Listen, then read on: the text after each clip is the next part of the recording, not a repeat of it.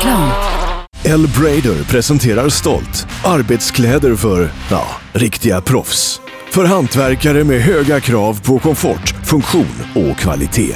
Sköna och smidiga och extremt slitstarka. Arbetskläder som verkligen funkar som de ska så att du får en skönare arbetsdag. Du, handla hos våra återförsäljare. Eller kolla in elbrader.com. Elbrader, arbetskläder för proffs. Hej motorsportvänner! Nu är säsongen äntligen här. Hos Autoracing hittar du allt inom motorsport, från världsledande tillverkare. Allt på ett ställe. Hjälmar, stolar, rattar. Ja, allt du kan tänka dig. Med över 50 000 artiklar i lager är vi redo. Är du? Autoracing.se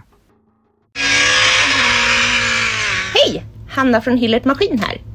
Vi är stolt partner till Svensk Bilsport, men nära rallyförare, det är vi inte. Vi är däremot experter på Merlo teleskoplastare. Surfa in på hyllert.se och hitta teleskoplastaren som lyfter din verksamhet. Och du, kör lugnt! HiQ skapar en bättre värld genom att förenkla och förbättra människors liv med teknologi och kommunikation. För mer information besök hiq.se. För att vinna i rally måste allt fungera. Även i depån räknas varje sekund. Det gäller att alltid ha ordning på verktygen, veta var du har de verktyg du behöver och att de är av hög kvalitet så att de fungerar optimalt. Tänk Tools har jobbat med motorsportteam över hela världen i många år och är nu stolt huvudpartner till svensk bilsport. Tänk Tools hjälper dig att organisera dina verktyg. Hela sortimentet hittar du i närmaste Swedol eller Tools butik. Säg hej till ett larm du kommer igång med på 15 minuter och styr superenkelt via mobilen. Mer trygghet med inbyggd grannsamverkan. Snabb hjälp av de som bor närmast. Med Sensor Alarm får du en enda enhet som vaktar hela ditt hem mot inbrott, brand, strömavbrott, temperaturförändringar och översvämning. Inga startkostnader. Prova utan kostnad. Sensor Alarm. Ett hemlarm för alla. Välkommen till Skydda. Vårt arbete går ut på att skapa säkrare arbetsplatser så ingen behöver skada sig. Skydda är specialister på personlig skyddsutrustning och hur den används. Vi utbildar våra återförsäljare och ser till att de erbjuder dig rätt skyddsprodukt för rätt tillfälle. Så oavsett om du behöver nytt andningsskydd för jobb i asbestmiljö eller en hörselkåpa för extra bullriga miljöer kan våra återförsäljare hjälpa dig med rätt produkt för just ditt arbetsmoment för att du ska komma hem oskadd från arbetsdagen. Läs mer på skydda.se. Tidningen Bilsport, Rally och Racing. Från och med i år fokuserar tidningen på rallysporten. Vi presenterar intressanta personer, team och företag. Vi rapporterar från tävlingar, gör garagebesök och kryddar med krönikor och intressant teknik. Du får fortfarande ett och annat reportage om andra sportgrenar. Köp senaste numret eller teckna din prenumeration på www.rallyracing.se. Tidningen Bilsport och Rally Racing med fokus på rally. Du lyssnar på rallyradion från Rally Sweden direkt på SBF Play, Pop och Rock och Rockstar. Visst är det så. Fyra minuter över sex är klockan torsdag den 24 februari. Svensk Bilsports rallyradio från Rally Sweden 2022 är igång bakom rattar, spakar, mikrofoner och skärmar på Norlia-området i Umeå sitter jag, Sebastian Borgart. Jag sitter inte själv den här kvällen utan det är en mycket kraftfull kvartett som de kommande två timmarna ska snacka upp och gå igenom förutsättningarna för årets VM-fest här i Umeå. Eh, jag börjar med den som kommer sitta vid min sida under stora delar av eh, de här dagarna. Sofie Lundmark, välkommen till studion. Ja men tack ska du ha. Välkommen till Norrland får vi väl säga. Ja, eh, jättekul att, att ha dig med. Du kommer vara vår studioexpert här under de här dagarna. Och ja, nu är det nästan så nära att vi kan ta på det, att, att rallyt startar. Äntligen får vi faktiskt säga som vi har väntat på det här. Ändå så eh, har ju vi haft lite kort om förberedelsetid så det blev ju lite hastigt och lustigt för oss att vi sitter här men väldigt tacksamma för det. Jättekul att vi är på plats och kan göra rallyradio från Svenska rallyt. Vi, man kommer höra mer av oss två under helgen och man också kommer höra ganska mycket av eh, Lars Jonsson. Välkommen till, till studion här på Norlia. Tack så mycket.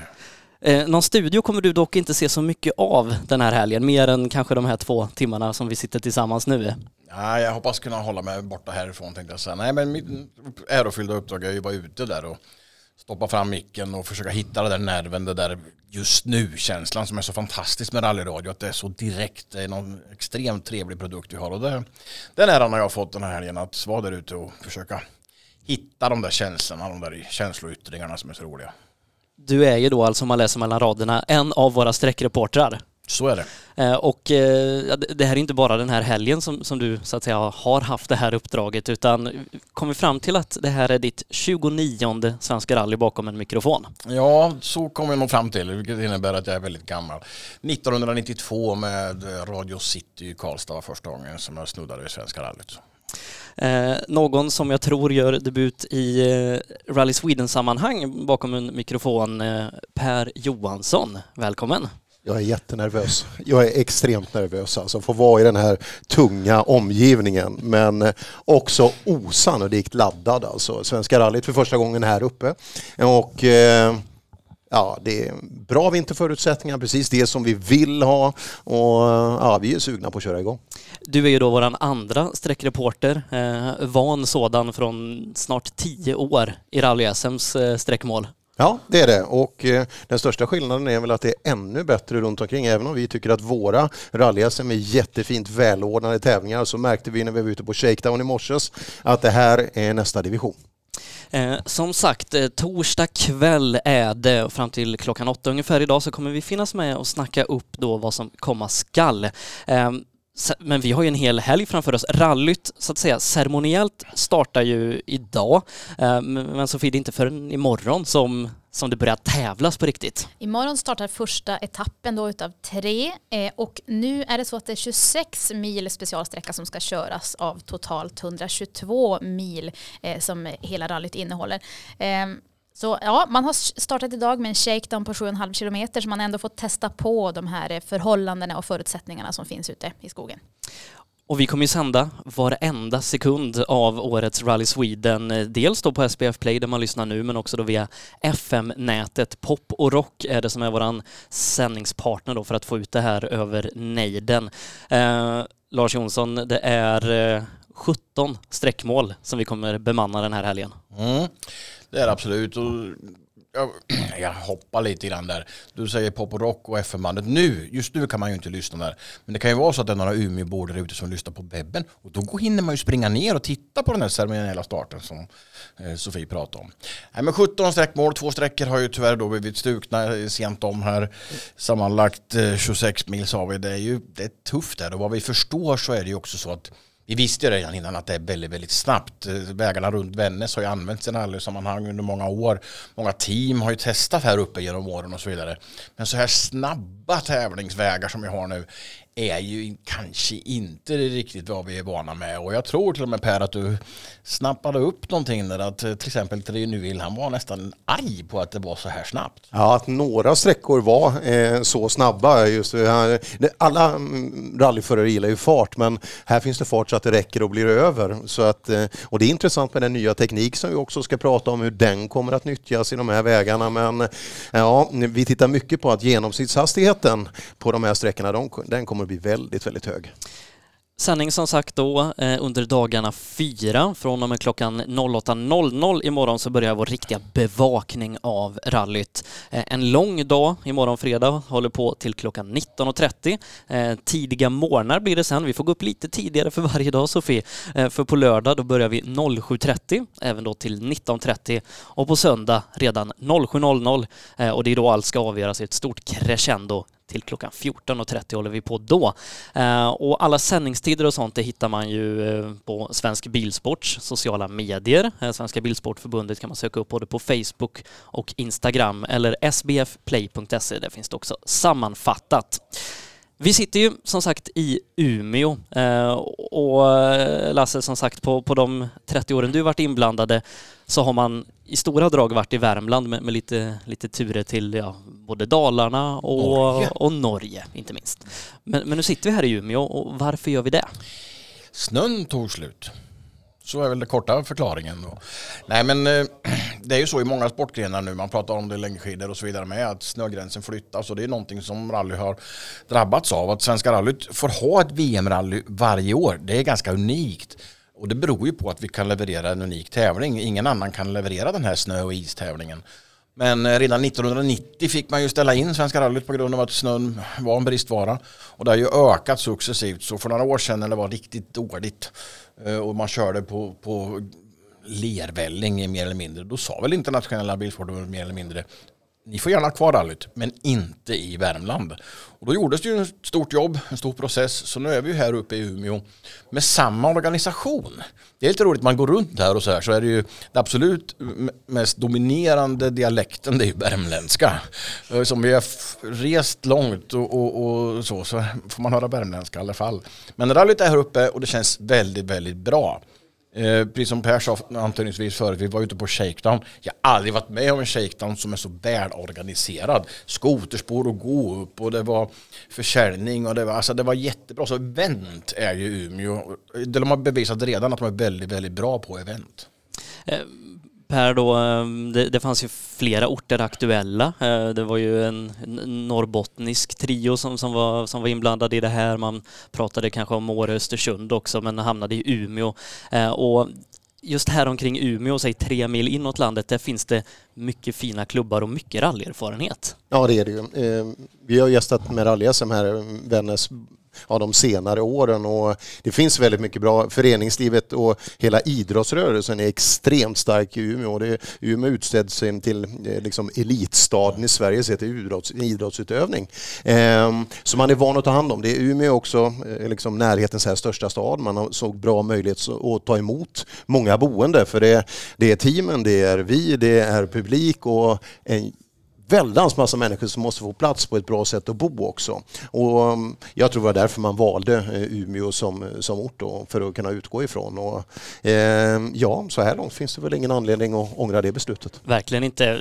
Sofie, vilka förutsättningar vi har vädermässigt här. Eh, radiolyssnarna ser ju inte det, men eh, alltså, skulle vi ställa oss i, i snön här, kanske inte minst du, då, då hade det gått, gått högt upp kring midjan. Det hade det verkligen gjort. Ja, nej, men vi har ju haft fantastiskt, alltså de här dagarna som har varit med liksom några minusgrader, strålande sol, eh, isiga vägar, kommit pyttelite snö här på morgonkvisten, lite snöblandat regn nästan också som nu börjar frysa på. Så det ser ut som att vi får en fin isskorpa och så en sån här riktigt härlig vinter, krispig dag. Eh, tänk lite eld på det och lite korvgrillar. Lite korv, ja. Så har vi ju ett, ett perfekt Svenska rally skulle jag säga. Eh, några som i högsta grad har varit inblandade i att få rallyt hit till Umeå, det, det, är ju kommunen eh, och både politiker och tjänstemän som, som lobbat och frigjort pengar då för att det här ska gå att genomföra. Tidigare idag träffade jag två av dem som ja, det senaste halvåret varit oerhört inblandade i Rally Swedens vara här i Umeå, eh, nämligen kommunalrådet och näringslivschefen. Så att jag tänker vi tar och lyssnar på vad, vad de hade att säga om att rallyt nu drar igång här i Umeå. Då har vi fått besök här i, i rallystudion och jag vet inte, det är kanske ni som ska säga välkommen till mig. Eh, till att börja med Hans Lindberg, eh, kommunstyrelsens ordförande här i Umeå kommun. Eh, välkommen till, till Dragonskolan. Ja, vi får väl välkomna er till Umeå. Ja, jättekul att vara här. Peter Juneblad, näringslivschef i Umeå kommun. Välkommen till studion också. Mm, tack så mycket och åter jag får säga som Hans, välkomna till Umeå. Jätteroligt att ni är här och fantastiskt att sitta i Dragonskolan där man faktiskt var elev för ett visst antal år sedan. Ja, har, har, ni båda gått här? Ja, precis. När ni gick här kan jag tänka mig att det här som händer just nu inte var ens liksom att tänka på. Nej, det var väl väldigt svårt att eh, förstå att det skulle flytta från Värmland, men eh, ja, det ser ut som det, som det gör med, med eh, snö och annat och vi kommer ju att kunna erbjuda ett eh, fantastiskt race här uppe på snö. Och eh, vad jag förstår också när man har bevakat de här sträckorna nu så är det ju väldigt spännande. Det som också kommer att bli spännande det är ju hur våra förare hanterar eh, att köra på snö som man kanske inte har gjort i, i Svenska rallyt de senaste åren. Så det ska bli väldigt intressant att se hur, hur de kommer att positionera sig nu på snö. Eh, många av förarna har ju inte riktigt hunnit träna så mycket på snö. Så därav så blir det extra spännande i år. Men nu sitter vi här i Umeå. Det här är Sveriges största publika evenemang. Eh, miljontals ögon från hela världen, hundratusentals på plats här i, i Västerbotten de här dagarna. Eh, liksom Peter, hur, hur känns det nu när, när det här börjar? Jo, det känns klart att det känns lite eh, nästan o, overkligt på sitt sätt eftersom vi har jobbat så intensivt tillsammans med, med arrangören under det senaste året och det är klart att vara framme är, är fantastiskt men jag tänker det är många delar i det men jag var ute och pratade med en del restauranger och, och ska säga, företag. Det är ju så många som är engagerade och just att kunna leverera ett riktigt gott värdskap till alla besökare i alla delar och inte minst cirkusen själv. Och alla ni journalister som är ja, här. Det är jättemånga har jag märkt. Ja, det, det är mycket folk här på, på presscentrat. Men Hans, varför vill man ha det här i Umeå? Ja, men det här är ju naturligtvis en, en folkfest och vi firar ju Eh, Eh, ett rally genom det här racet. Och det är, ju, det är ju stort naturligtvis för stan att det kommer hit folk, att vi får uppleva det här racet, att vi också får möjlighet att bygga en, en starkare motorkultur också runt Umeå och Västerbotten och, och norra delen av Sverige känns ju jätteroligt. Så att den har en otroligt stor potential att också göra att motorsporten växer eh, runt Umeå. För det har vi också sett positiva effekter av att man har funnits i Värmland också under väldigt lång tid. Så att vi hoppas ju på samma effekt här. Naturligtvis också att eh, det kommer hit fler och bor och gästar oss och att vi också då kan utveckla turistnäringen. Så att det är många plus i det här. Eh, Mm, Peter, du då som kanske jobbar mer med, med, med företagen här i, i kommunen och, och, runt omkring. Hur, hur, har man tagit emot liksom rallyt och den här anstormningen med folk från hela världen? Ja, det är klart att alltså det, man, alltså med glädje och man ser fram. Det har ju varit en pandemi dessutom som har gjort att det här är en del i att kickstarta en besöksnäring. Sen rent krast att större evenemang av den här karaktären med många inresande, det är vi ju vana vid. Vi har ju bland annat en mäss, på, vi är på Norliga mässområde nu, där är vi ju vana att göra en mässa vartannat år med nästan lika många. Så att det ska säga, infrastrukturen i flyg, buss, transporter, mässområde, där vi är nu på, på, på, och arenan, det, det har vi en rutin av. Men det som är ju extra roligt är just att det är så många som äter, handlar. För min del som näringslivschef så just att, att det är mycket pengar som stannar i lokala näringslivet. Det här är väldigt positivt för Umeås företag. Nu då så, så, väntar vi på att rallyt ska starta, men, men Hans, det har varit en, även om i månader och veckor och dagar har varit en kort resa, så, så förstår vi som följt det från sidan att det har varit en lång resa att få till allting. Mm. Ja, det stämmer. Det har varit förhandlingar med markägare och försöka få till lösningar för de olika sträckorna och eh, det har ju i princip varit två års arbete som skulle göras på ett halvår eh, och det inser ju alla att det är ju egentligen omöjligt men vi har klarat av det. Men jag tror ändå att vi alla parter har haft en ödmjuk inställning till att lösa det.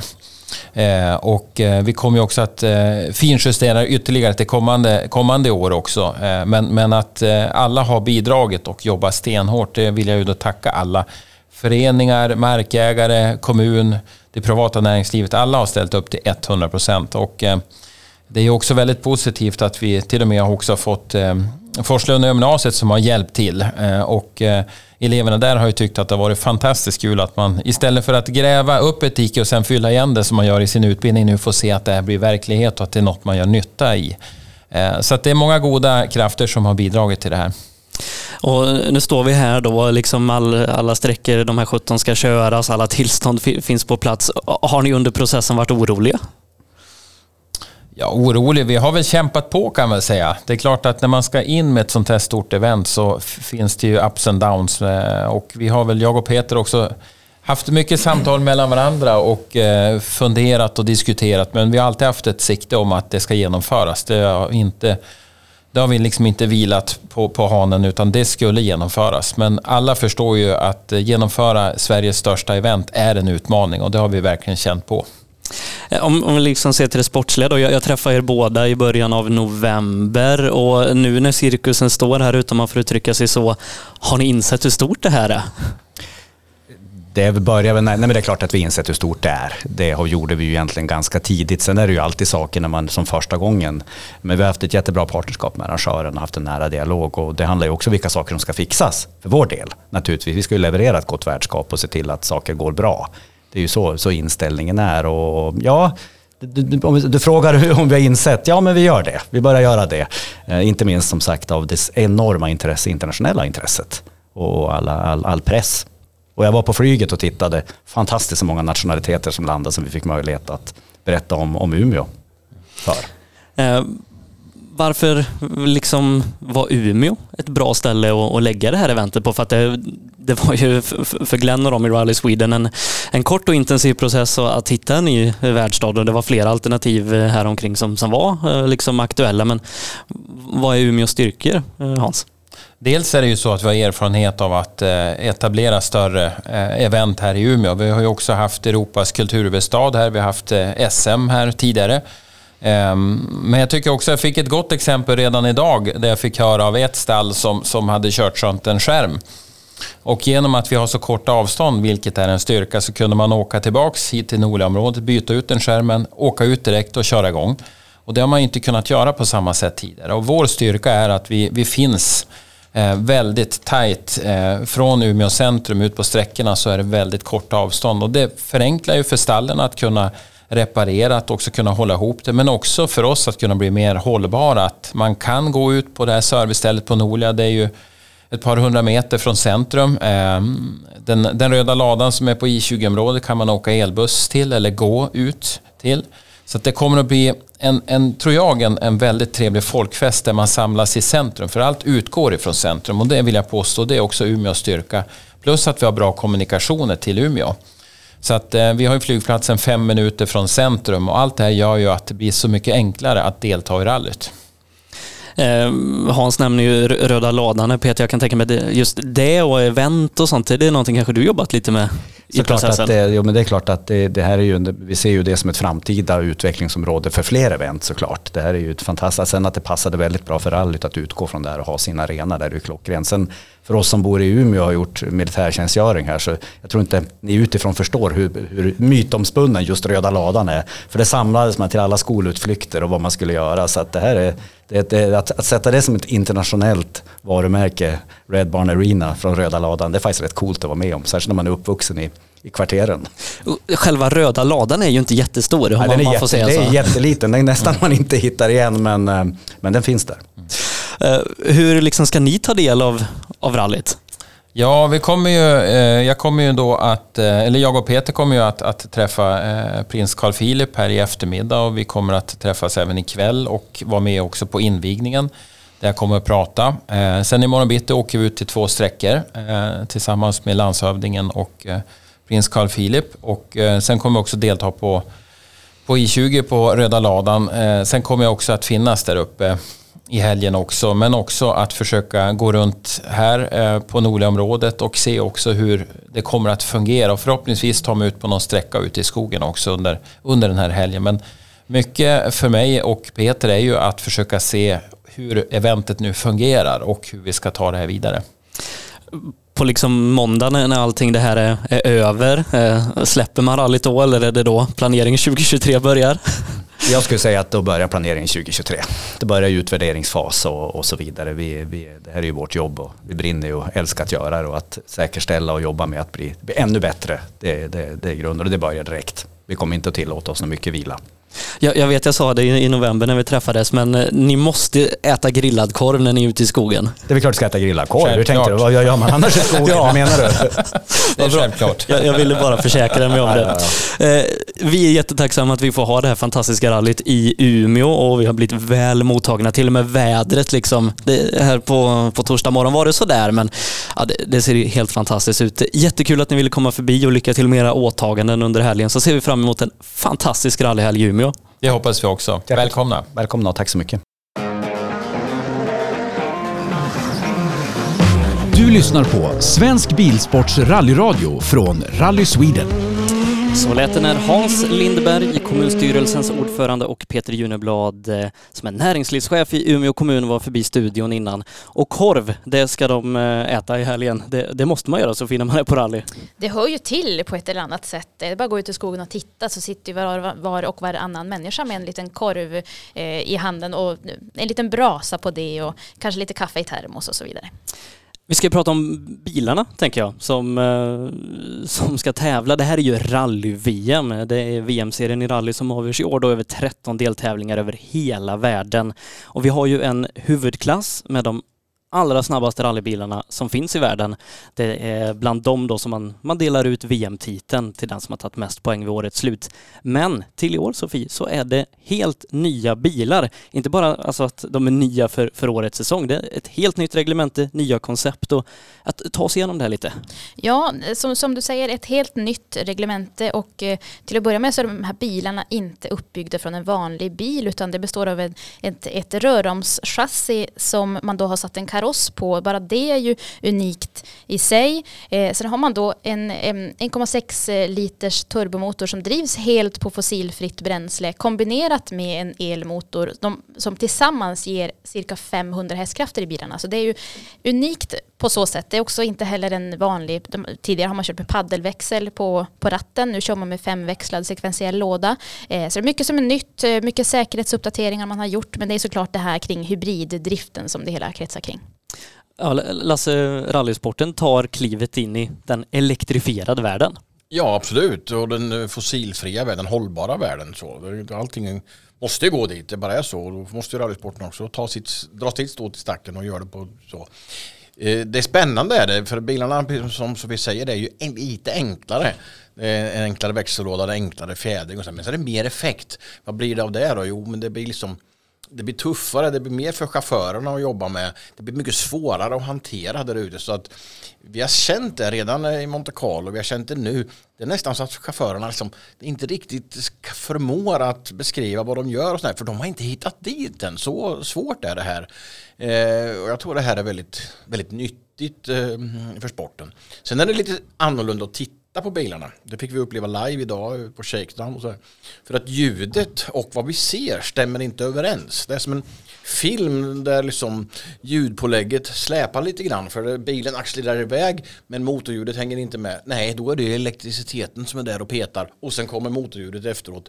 Så även, även ljud och synupplevelsen blir annorlunda men eh, visst var de fräna Per? Ja, otroligt häftigt och det, det var ju kul att se. Tyvärr är det lite snövallar i vägen för, den, för, för ljudintrycket men att det kommer att gå snabbt, det, det är inget tvivel om det. Men sen får vi lägga till då som, som Lasse säger att vi, vi har en enklare chassisättning på bilarna, mycket mindre fjädringsväg. Jag kan tänka mig på vissa ställen att man skulle gärna vilja ha hur mycket fjädringsväg som helst för att få till det här men eh, det, det, är jättebra att rallyvärlden tar det här steget nu. För vi vet ju i den stora bilvärlden vilka krav det ställs på oss. Och ska vi få fortsätta ha vår fina motorsport ute i, och få ha ett VM-rally, vi flyttade för snöns skull, men också för miljöns skull, för de gröna vindarna är starka och vi måste acceptera dessa. Och att vi nu tar ett sånt här steg tycker jag är jättebra.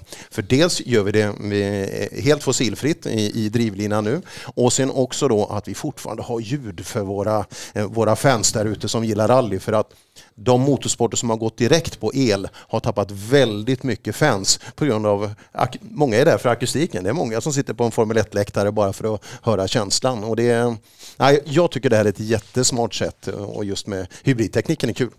Och den här klassen då heter ju Rally 1. Eh, det är liksom högst upp på pyramiden av, av rallybilar i världen. Det är de snabbaste mest avancerade som finns och man tävlar bara med dem i rally-VM. Eh, och Sofie, vi, har tre bilmärken som, som är med och tävlar med de här nya bilarna som vi har beskrivit. Det har vi och det är Hyundai och det är Ford M-sport och det är Toyota. Eh, och ja, det har väl varit lite så här eh, tveksamheter kring vem är det som egentligen är bäst här. Vi, har, vi såg ju Monte Carlo, här kördes för en månad sedan ungefär. Eh, där såg vi ganska tydligt att det var främst Ford och det var Toyota som gick riktigt bra. Eh, Hyundai verkade inte riktigt ha fått till eh, på samma vis men det ser vi nu under shakedown så har vi fått till riktiga tider, eh, riktigt fina tider ifrån Hyundai också. Så jag tror att det blir en spännande kamp här under helgen mellan de här tre. Och, ja, det, det, här är ju tre team då som utefter ett reglemente utvecklat sina bilar.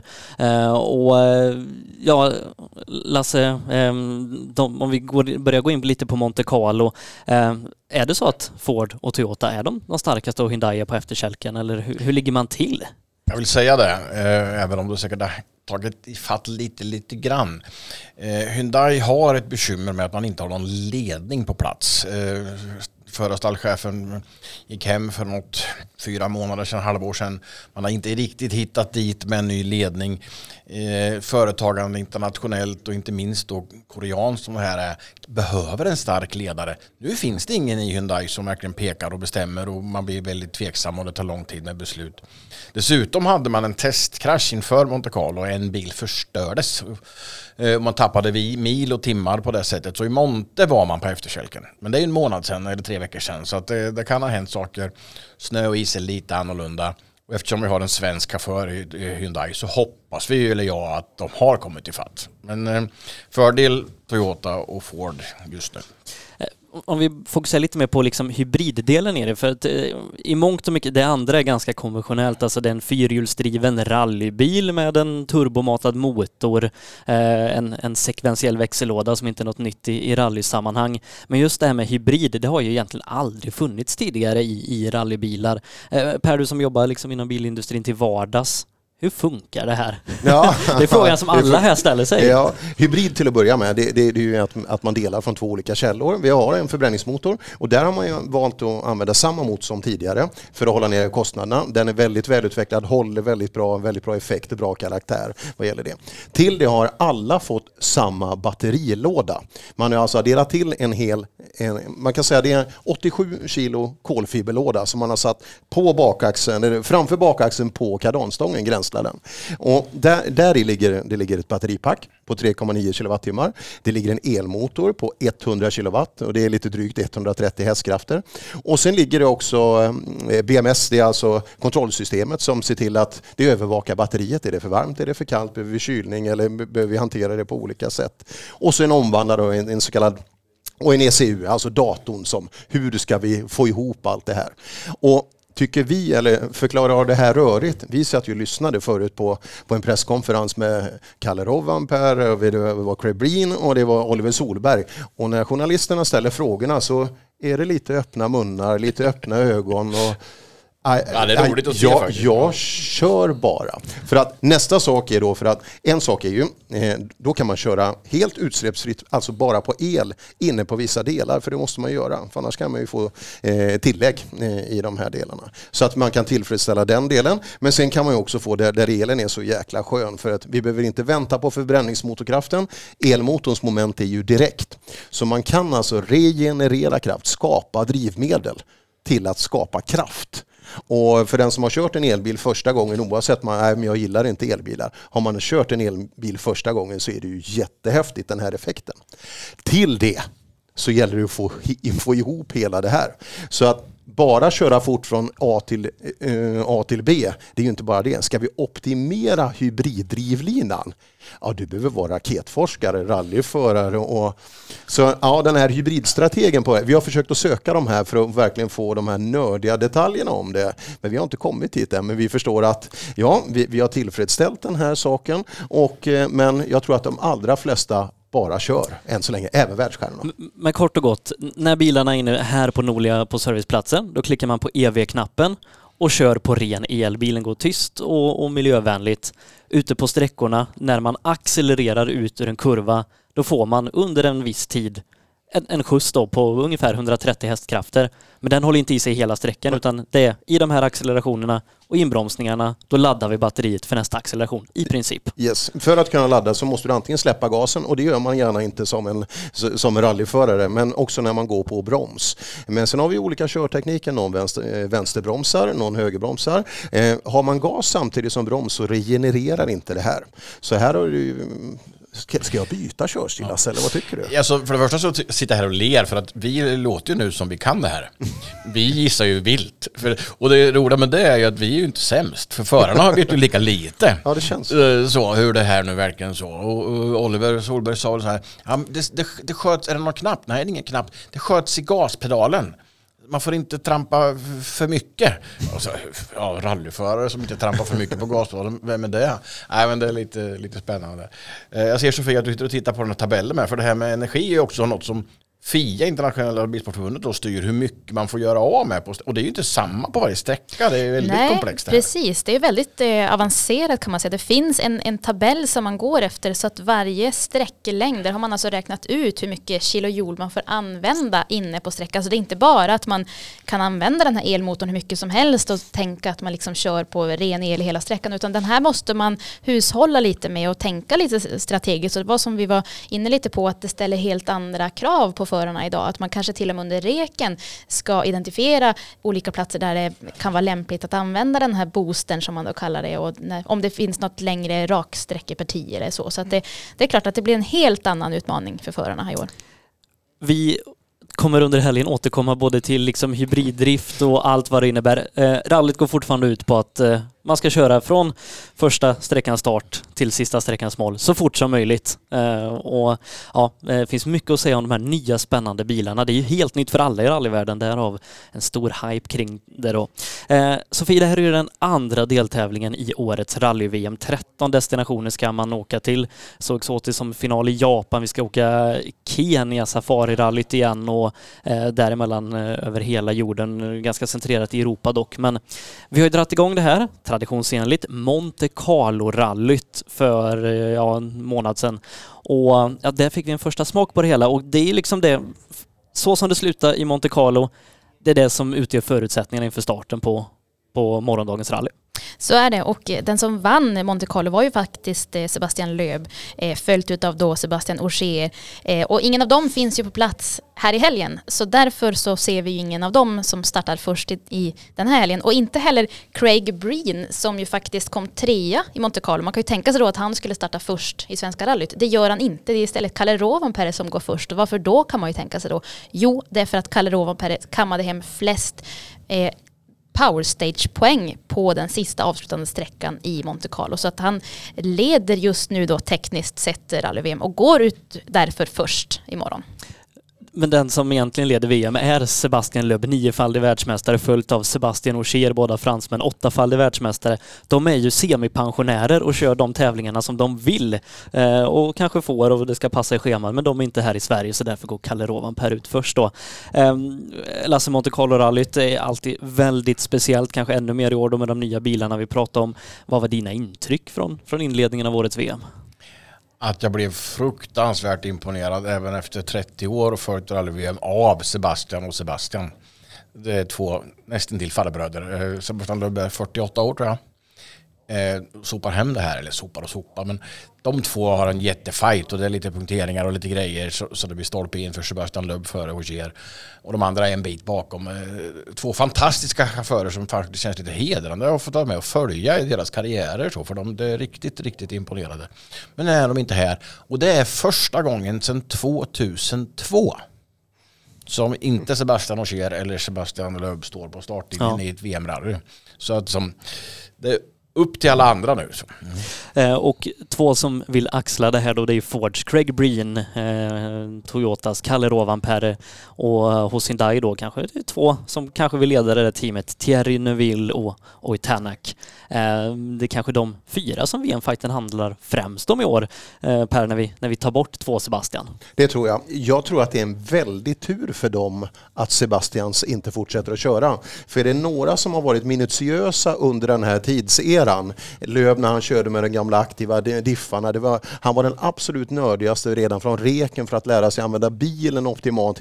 Och Ogier som vi har lärt också, han lämnar ingenting. Kalle Rovan började prata om han, just att inte han finns här nu i Toyotas tält. Det är negativt för han också. För han är så otroligt duktig på att sprida små detaljer som inte alla tänker på.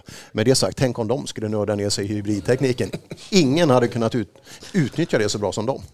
Monte Carlo var som sagt en nagelbitare in på sista dagen där Sebastian Lubb vann för M-Sport Ford. Det var faktiskt första gången han vann en tävling för ett annat bilfabrikat än Citroën. Dessutom är han den äldsta segraren i rally-VMs historia då på sina snart 48 år.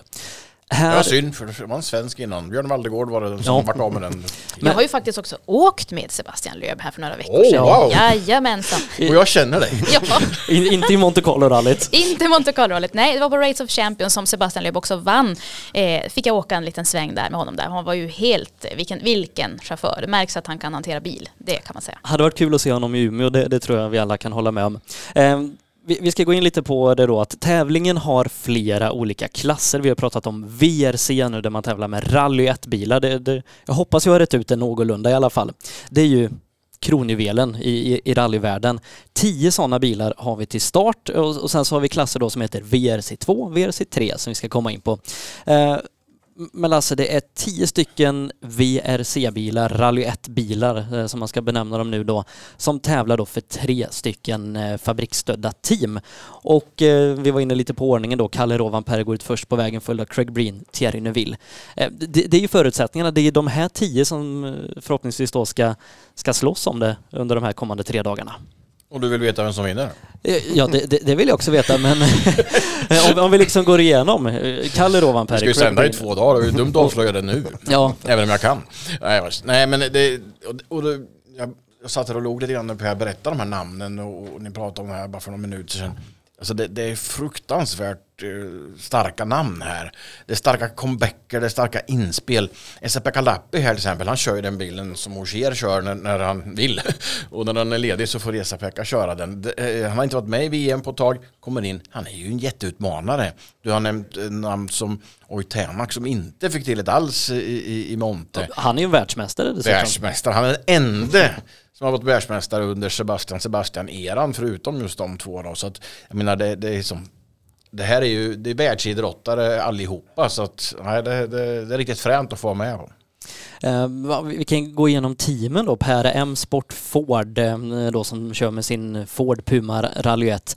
Craig Breen kommer in, han har vunnit junior-VM och ja, fått lite sporadiska inhopp under många år. Han är hyllad som kanske en av de de största talangerna men aldrig riktigt fått en hel säsong. Nu har han det eh, hos Hemsport Ford, kör ihop med Gus Greensmith som eh, har tävlat flera år och verkligen fått ett genombrott senaste tiden. Och så då franske talangen Adrien Formaux som tyvärr inte kom i mål i Monte Carlo. Men, men vad har vi att säga om, om Hemsport Ford?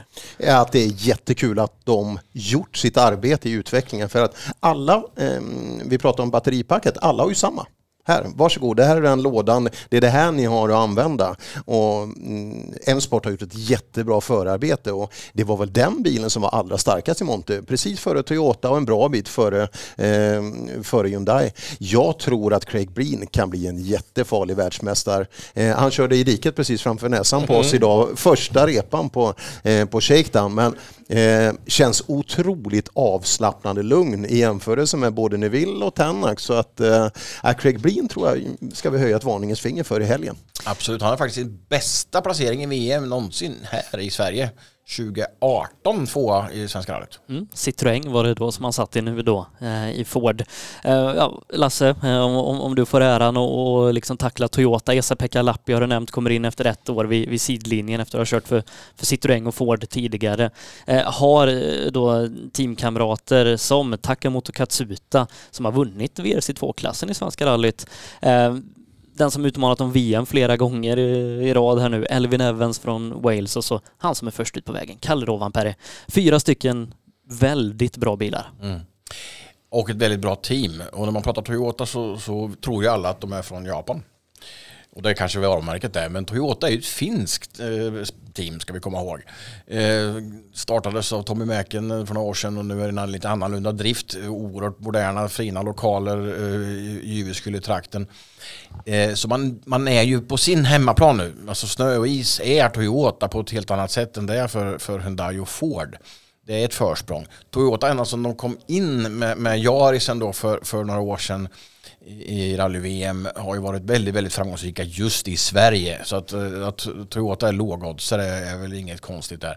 Sen om det är Esa-Pekka utmanaren, eller Elvin Evans eller Rovanper eller så. Ja, det, det är nog egentligen dagsformen då. Tyvärr är det ett minustecken om vi nu säger på chanserna för eh, Rovanper. Han går alltså först hela fredagen. Efter den etappen så kommer han sen att sida om och skicka ut bilarna i resultatbaserad ordning. Men Rovanperä, han kommer att vara en minut bakom imorgon för att åka först är inget roligt alltså. Det, det säger Lasse Jonsson. Vi får se om det stämmer imorgon kväll. Ja, vi får se. Vi, vi går ju och trampar på, på underlaget hela tiden där, för vi har sett upp till 3 plus och nu är det på nollan och nu börjar det bita på toppen. Och så här. Men sen gäller det, eh, det har varit bilar ute och rekat på sträckorna idag. Eh, sker det ett bra plogningsarbete, det får vi ju anta. Fryser det igen, när plogar man och så vidare. Så det är hundra olika faktorer och när du står i målet på ettan i måndags, då ska jag lyssna. Det blir spännande.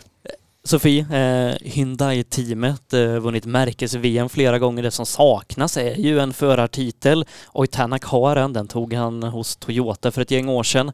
Eh, har haft tufft sedan han kom in i Hyundai-teamet. Thierry Neuville eh, har ju varit ledare i det här teamet sedan det startades, eh, snart tio år har han kört där. Och i den tredje fabriksbilen med nummer två på rutan, ja där är det svenskt i VM-toppen då, Oliver Solberg. Ja, det är ju fantastiskt att vi får ha en svensk i den här toppen. Eh, en, en stark eh, uppställning utav Hyundai får man ju säga förarmässigt. Eh, har vi kanske inte riktigt eh, fått det här genomslaget som man kanske har hoppats på. Thierry Neuville har varit nära många gånger. Han har 290 sträcksegrar totalt sett i sin karriär inom VM-cirkusen då så att säga. Men det, det, har inte riktigt lett hela vägen fram till någon, eh, till någon VM-titel än så länge. Om vi tittar på Monte Carlo-rallyt till exempel, eh, då tog Toyota nio sträcksegrar Ford M-sport tog sju, Hyundai tog en sträckseger. Så det, det, säger ändå något om att det liksom inte kanske har nått hela vägen fram men att det finns potential i de här förarna. Det gör det ju, helt klart och, vi måste liksom, Oliver Solberg, alltså son till tidigare världsmästaren Petter Solberg, tävlar med svensk flagg på bilen och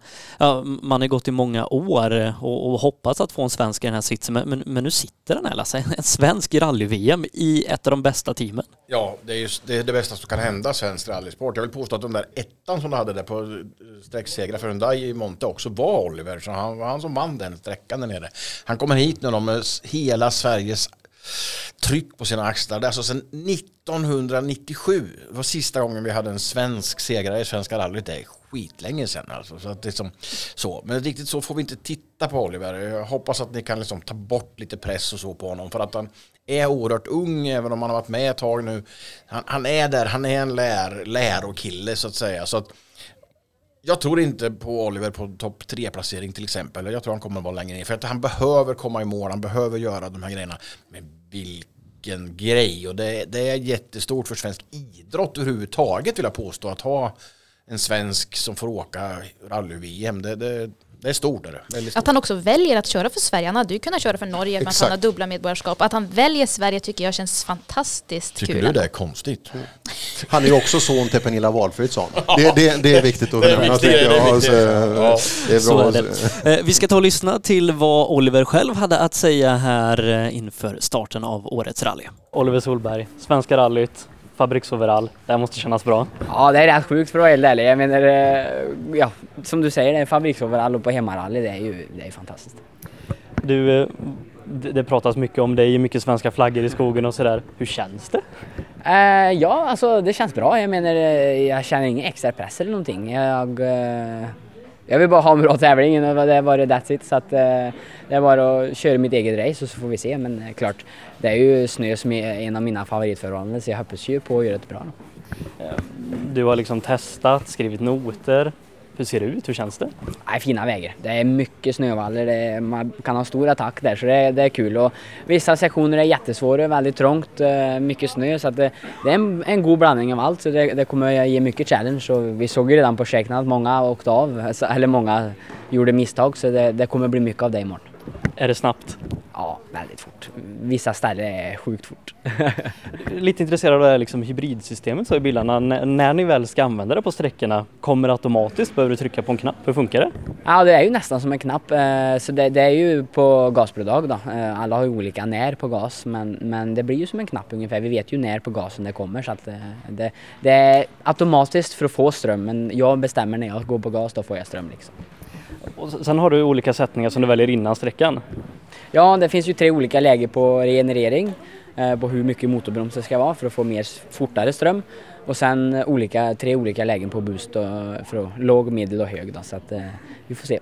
Blir det mycket hög den här helgen? Ja, det blir det. det blir mycket hög boost, ja. Eh, du, vad är målsättningarna? Ja, det är svårt att säga. Jag måste se efter imorgon då, egentligen. Men eh, jag hoppas ju på eh, topp fem eh, hade varit kul eh, och tredje, eh, topp tre är ju drömmen såklart. Men eh, jag vet att det är en lång tävling och eh, det kommer bli stentufft och tiderna kommer bli jättejämna. Så jag hoppas jag kan få eh, en bra feeling så får vi se. Du, lycka till. Tack. Rallyradio från Rally Sweden. Ja, Oliver Solberg hörde vi där, stänger absolut inte dörren för en topp tre, Lasse. Nej, bra. Jättebra så. Nej, men det var, jag försökte bara liksom skala av lite grann där. Han är här, vi ska vara oerhört glada för det. Han ska vinna VM, men kanske inte just i år. Vi har pratat om VRC-klassen, de bilar, team, förare som, som ska köra det här. Vi har den största klassen i tävlingen. Den heter VRC2. Per, vad, vad är VRC2? VRC2 är ju, eh, ja, förut har vi kallat dem R5-bilar men nu har vi fått lära om att de heter Rally 2. Så det är alltså Rally 1 hade vi de här nya hybridbilarna och så i, i fallande skala sen då. Eh, en väldigt populär bil eh, som jag tror vi har ungefär 50 stycken i Sverige av dem rent generellt. Och, ehm, men det bygger också, det är också en 1,6 liters överladdad bil och vi har en femväxlad sekventiell låda så det, det är mycket liknande i de andra. Men lite mindre effektuttag i bilen eh, och så vidare. Men eh, vi har mycket bra svenska eh, intressen även i den klassen. Det är ju en jättespännande klass då. Det är väldigt många som tävlar i den. Vi har fler fabrikat än de tre vi har i Rally 1-klassen. Eh, vi- har Skodor, vi har Hyundai, det är Citroënger, Fordar. Jag tror inte det är någon mer än de fyra fabrikaten med här Inte va? idag, det finns andra. Det finns Mm. mycket mer, men det är de fyra som är med. Och ett en hel uppsjö förare. Eh, vissa av dem tävlar på lite mer privat basis, vissa av dem är ju fabriksförare i VRC2 så att säga. Andreas Mikkelsen, han är regerande mästare i klassen från Norge och leder också eh, VM så finner vi kommer hit. Det gör han och han är väl också kan man säga lite favorit inför det här. Har ju erfarenhet av att åka VRC i många år. Eh, har ju visat sig väldigt snabbt. Det såg också bra ut tycker jag på Shakedown idag så att eh, absolut att eh, Mikkelsen är stor favorit i VRC2. Vilka fler är värda att nämna i den här klassen? Vi, vi, vi kan vänta lite med svenskarna, men om vi, om vi ser till de som inte är svenska, det, det är mer norskt Per, Ole Christian Weiby. Ole Christian Weiby så bra ut. Det tänkte jag på Sofia också idag ute på Shakedown för att när man tittar på det, mm, det var ju länge sedan vi hade ett VM-rally här så man har inte sett så mycket av det live. Men när man tittar på tv-sändningar så är det lätt, de går ju lite långsammare än de snabbaste bilarna och det är lätt att säga, jaha, eh, det går inte så fort men de åkte fort på, på Shakedown. Eh, så sagt, ja, vi har svenska intressen. Weiby tror jag kommer bli farlig där uppe. Vi har fler fin, eh, finska killar också som är riktigt, riktigt snabba och där någonstans tror jag att det kommer att hamna vid sidan av svenskarna. Ja, eh, Emil Lindholm är ju en. Ja, och jag minns ju också att eh, nummer 27 var han va? Eh, Erik Petrainen åkte riktigt, riktigt bra här 2020. Mm. Eh, så, och det är sagt, ja, finnarna har väldigt lika förhållanden som svenskarna så att de blir giftiga här. För att så. inte nämna Jari Huttunen också. Absolut. Har gjort bra tider när vi har kört Svenska rallyt tidigare så att jag tror absolut att det blir Ja, en, en hård fight. Och så säga så vi, vi, vi missar vi någon så är det förlåtet för det är många de. Ja, vi måste prata om Gryatsin också. Vi har ju en ryss med i, i det här också. Han, eh, han pratar ju otroligt mycket. Det är, ofta brukar de vara väldigt tysta men han, han har monologer som är riktigt stabila. Han tror jag kan bli farlig också om man håller sig på vägen. Ja, eh, en av de som kör riktigt fort då. Eh, Om vi kommer till, till svenskintresset i, i klassen, vi kan ju börja med han som faktiskt tävlar för fabriksteamet M-Sport Ford. De, för de tävlar ju eh, som sagt om, om VRC2-VM också med sin Rally 2-Fiesta. Det är en person som vi känner väldigt, väldigt väl, eh, Per. Mattias Adielsson. Eh, jag, jag tror jag har sagt att han har fler SM-medaljer än vad som finns fingrar på händerna. En oerhört duktig förare som nu får chansen tillsammans med kartläsare David Arhusiander att köra i ett fabriksteam. Ja, kul för Adielsson. Det är, det är kul när man inte går in här över serviceplatsen och går in i, i stora hallen här inne och så har M-sport eh, fem riktigt snygga och ett av dem står Adielsson i. Eh, de har full support av, av teamet, ingenjörerna går där och tittar, men de hanterar bilen själva. Och eh, Adielsson gjorde, en, hans livs tävling var för fyra år sedan, det var när Katsuta vann eh, eh, VRC2-klassen och han var fyra, snabbast på shakedown var han och så vidare. Eh, om Adielsson ser en fortsatt internationell karriär, då tror jag det är den här tävlingen han ska sätta. Um. Han tävlar ju som sagt om fabrikspoäng då för M-Sport Ford eh, så att säga när VRC2-VM ska summeras. Då räknas Mattias poäng i den här tävlingen med.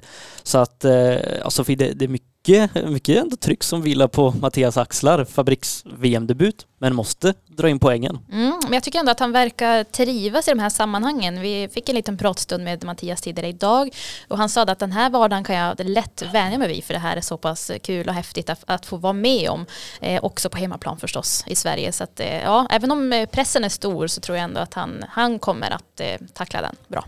Men vi hörde också då att han tänkte lite större, lite mera politiskt, lite mera team, poängen, ta hem grejerna, inte göra bort sig och åka för fort utan sådär. Så att det, är en, det är en dimension till för honom som säkert utvecklar Mattias som, som människa och förare också, att få vara en del av teamets spel. Men den som kan ta den bollen, den som kan, okej okay, nu, nu säger teamchefen eh, så här, nu, nu ska du köra så här fort, du ska hämta en poäng. Den som kan göra det, hämta poängen och inte köra barnsligt långsamt. För jag har sett vissa, de åker på tredje växeln, tar sig igenom bara. Men den som kan sätta bra tider, den är guld värd och den kommer alla vilja ha. Så är det.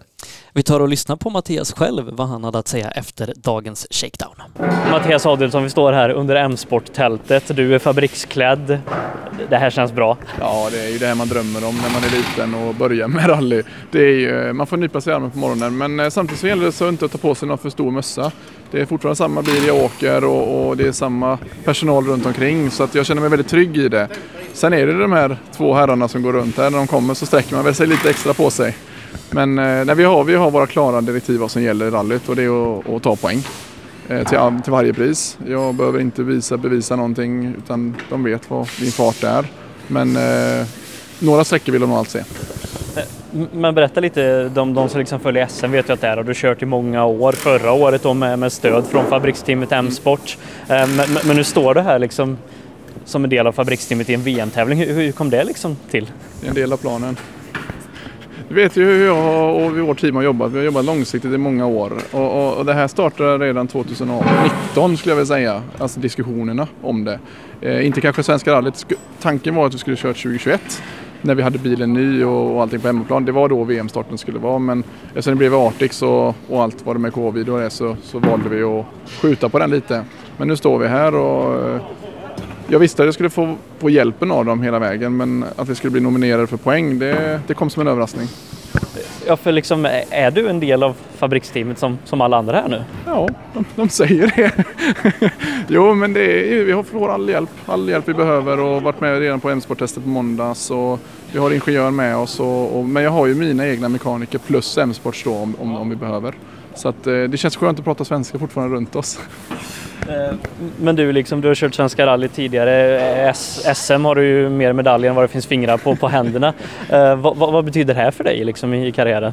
Jag trodde inte att den chansen skulle komma när man är 30 och snart 31. Så det är väl eh, trägen vinner i slutändan. Jag, jag har ju drömt om detta. Eh, även om det inte är en Rally 1-bil så är det fortfarande en fullt fabriksbil och i största fabriksteamet som faktiskt leder VM. Så det är, det är skithäftigt. Det är, det är en dröm som går i uppfyllelse och jag ska förvalta detta på ett väldigt, väldigt bra sätt. Eh, men nu då som sagt, du, du tävlar inte för dig själv för att du ska stå med en medalj i slutändan. Hur, hur blir liksom ditt upplägg på den här tävlingen? Ja, det är ju det som är svårt. Vi hade en plan med svenska, det var att gå flat out och visa allt vad vi kan. Eh, men, men vi är inte riktigt där än. Eh, vi, vi har våra klara direktiv på vad som gäller och, och det har ju med den här fortsatta planen att göra. Det, förhoppningsvis är det väl inte den enda tävlingen som vi kanske står här. Och eh, ja, vi, vi, har tufft motstånd. Din teamkollega Jari Huttunen, vi har Toksport med Skoda, Ole Christian Weiby, Citroengerna här.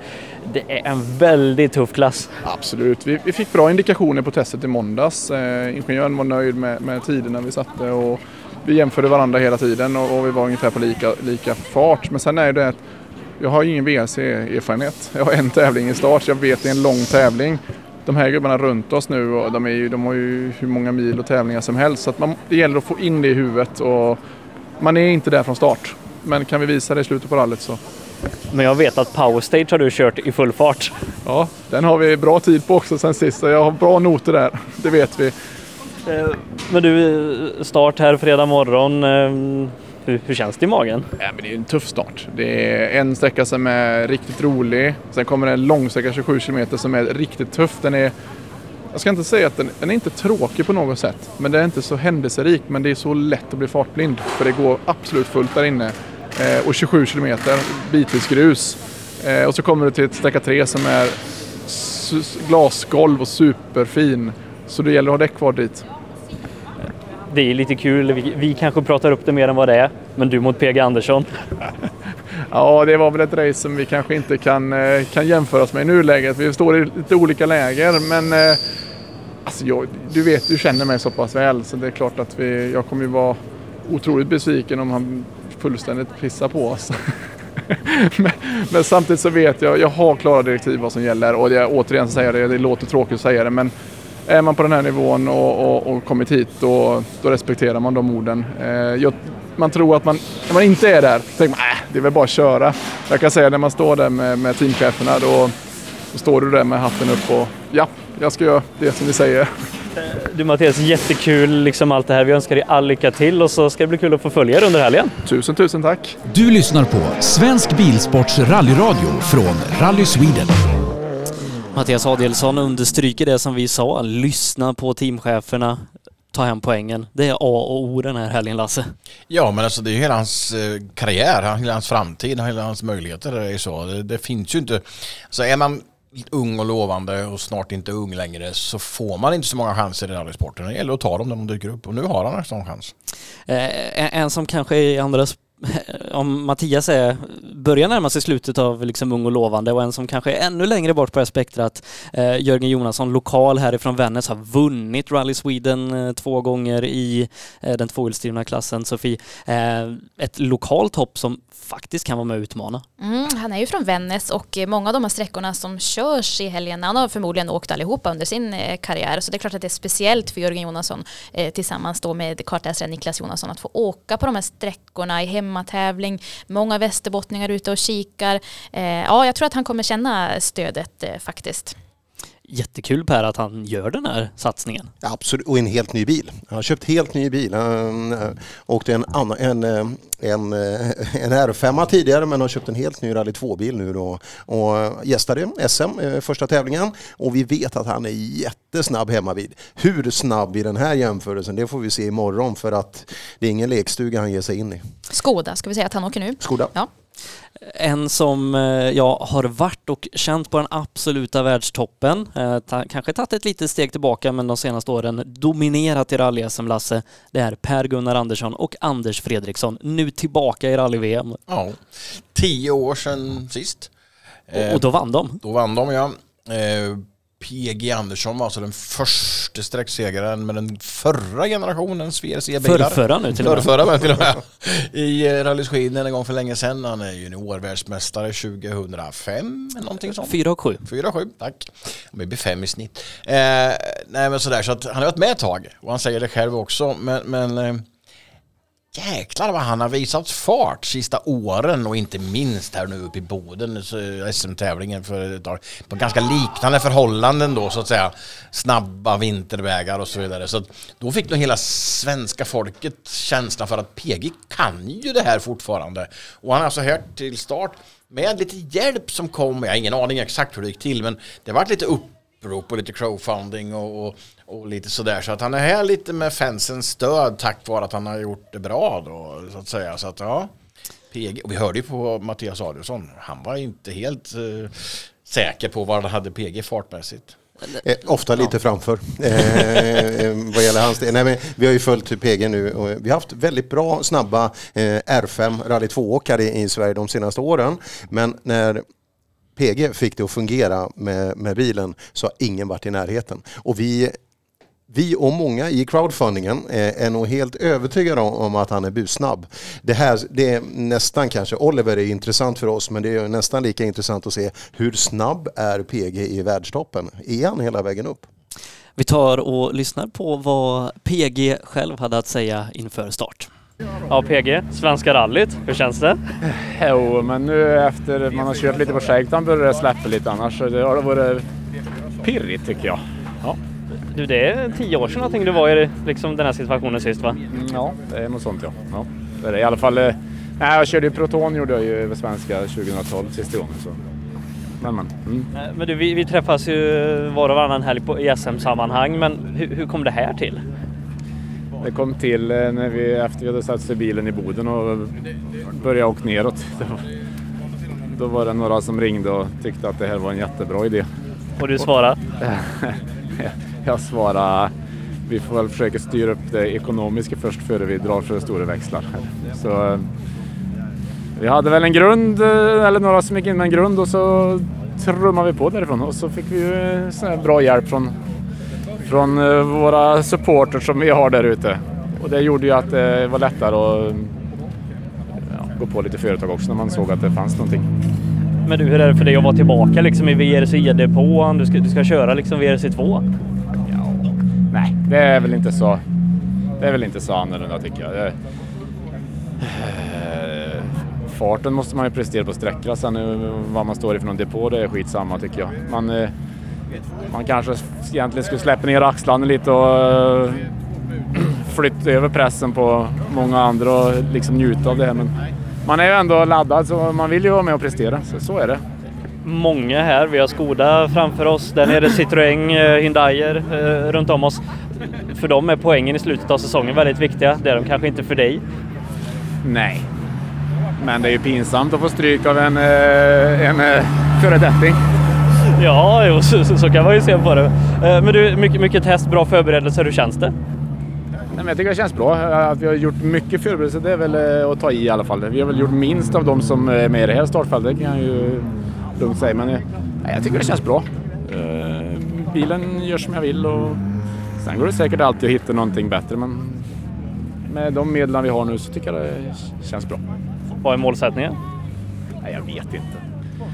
Det finns så många som kan vinna den här klassen men nej, jag får säga i, i mitten då är väl bra men jag vet ju fortfarande att jag vill vara med och, och hugga på, på sträcktider. Man vill ju inte bli ifrånåkt allt för mycket i alla fall.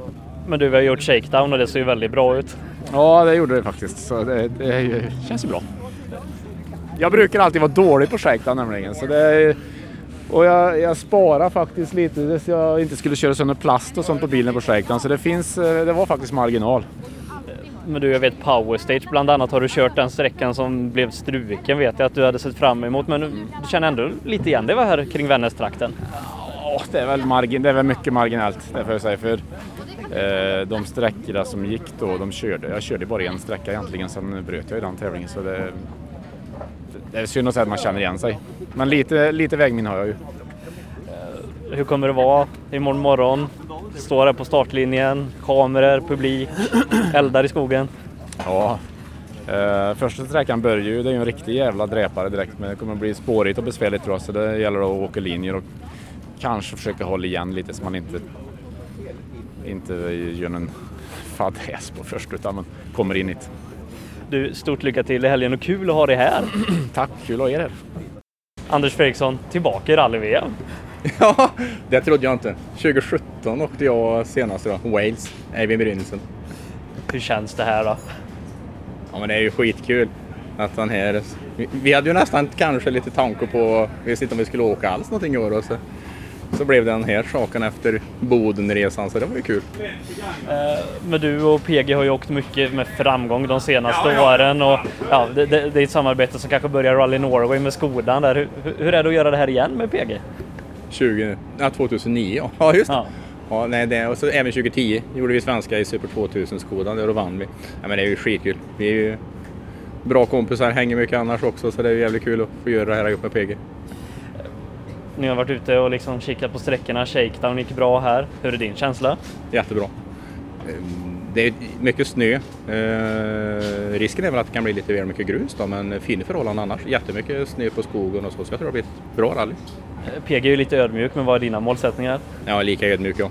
Jag är född ödmjuk. Vad bra. Du, du, det, det ryktas som att du var för stor för stolen. Ja, för lång för stolen. Ja, det, är väl, det är väl stor? ja, precis. Nej, det är själva ryggen, eh, ryggmåttet på den andra stolen som satt i bilen var 5 cm för eh, låg. Så vi har fått låna en annan sko nu från M-sport här, så det är fixat. Du, rallyt drar igång här fredag morgon. Kommer det vara fjärilar i magen? Ja, det ska det vara. För att man har rätt fokus så måste man ha lite fjärilar och pirr. Annars är det, skulle man åka ut här helt oberörd, då, det spelar ingen roll om man åker SM eller en liten tävling, så ska det vara lite fjärilar beroende på att man har fokus och är laddad. Du, jättekul att ha er här och lycka till! Tack så du ha. Kul att ni är här också och gör detta möjligt för Sverige att lyssna på detta. Tack Sebastian! Rallyradio från Rally Sweden. Ja, Anders Fredriksson hörde vi där på slutet, co-driver till eh, Per-Gunnar PG Andersson. Två ödmjuka herrar, men de satt en tredje tid på shakedown, Lasse, i, i det här jättefältet med, med duktiga förare. Ja, när de åkte över andra gången ska sägas. Det finns några som har kört senare då, men just i det, det momentet hade de tredje tid, vilket är imponerande. Och sen bara liksom parkera och så, nej men vi sparar på plasten. Och jag hör ju Per och jag sitter och tittar på varandra här och, och ler. Alltså, vi hör så mycket taktik, vi hör så mycket liksom flytta över förväntningarna. Liksom. Ja, det, det, det är två skarpa hjärnor dessutom, inte bara duktig förare och duktig kartläsare. Det, nej, det, det är spännande. Psykologi i rally, Sofie. Mm, det kan man säga. Vi får hoppas att han inte eh, lider allt för mycket av sviten av covid. Han har ju haft covid här för några veckor sedan och var ju själv lite bekymrad över att han inte kände sig riktigt helt återställd. Och då sätta sig i en tävlingsbil under de här förhållandena är ju förstås en enorm påfrestning för kroppen.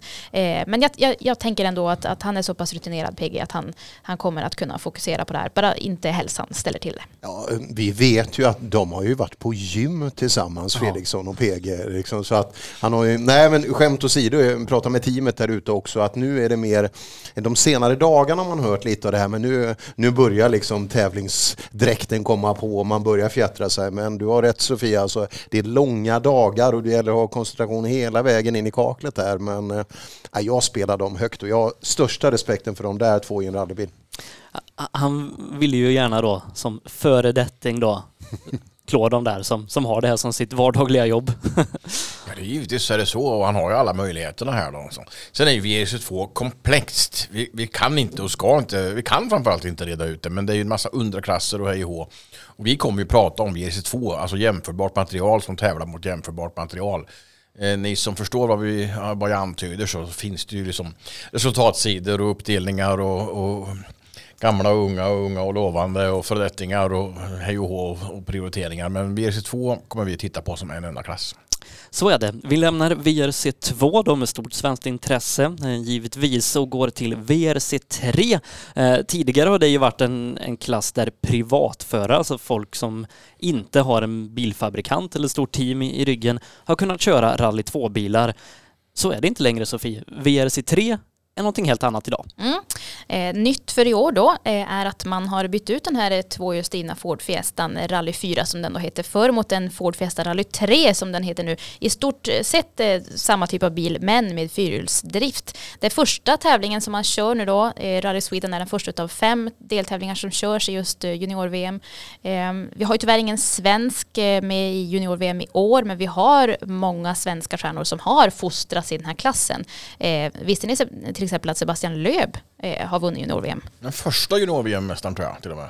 Ja, så ni ser det, det finns potential att ja. väldigt långt om Sebastian man lyckas. Ogier. Mm. Mm. Martin Prokop har också vunnit ja. en gång faktiskt. Och svenskar så är det ju då som vi hörde nyss, PG Andersson två gånger. Patrik Sandell två gånger. Emil Bergqvist. En gång. Eh, Pontus Tideman. Eh, och senast Tom Kristensson. Ja. Fick jag med Emil? Det fick jag med också. Ja. Mm. Så det är ja, många svenskar där, men nu har vi ingen svensk där. Nej. Det är synd det där, för att det, det är en fin klass, en bra plantskola, men vi har också sett de senare år att det är, det är inget lika med stecken bara för att man blir juniorvärldsmästare, att det sen är logiskt att man tar del, utan ofta blir det bara plånboken. Det kostar mer för varje steg man tar. Ja, visst, pengar är bekymmer i den här sporten, men vi tittar på det här med, med junior i andra sporter sporter. Jag är allmän sportintresserad.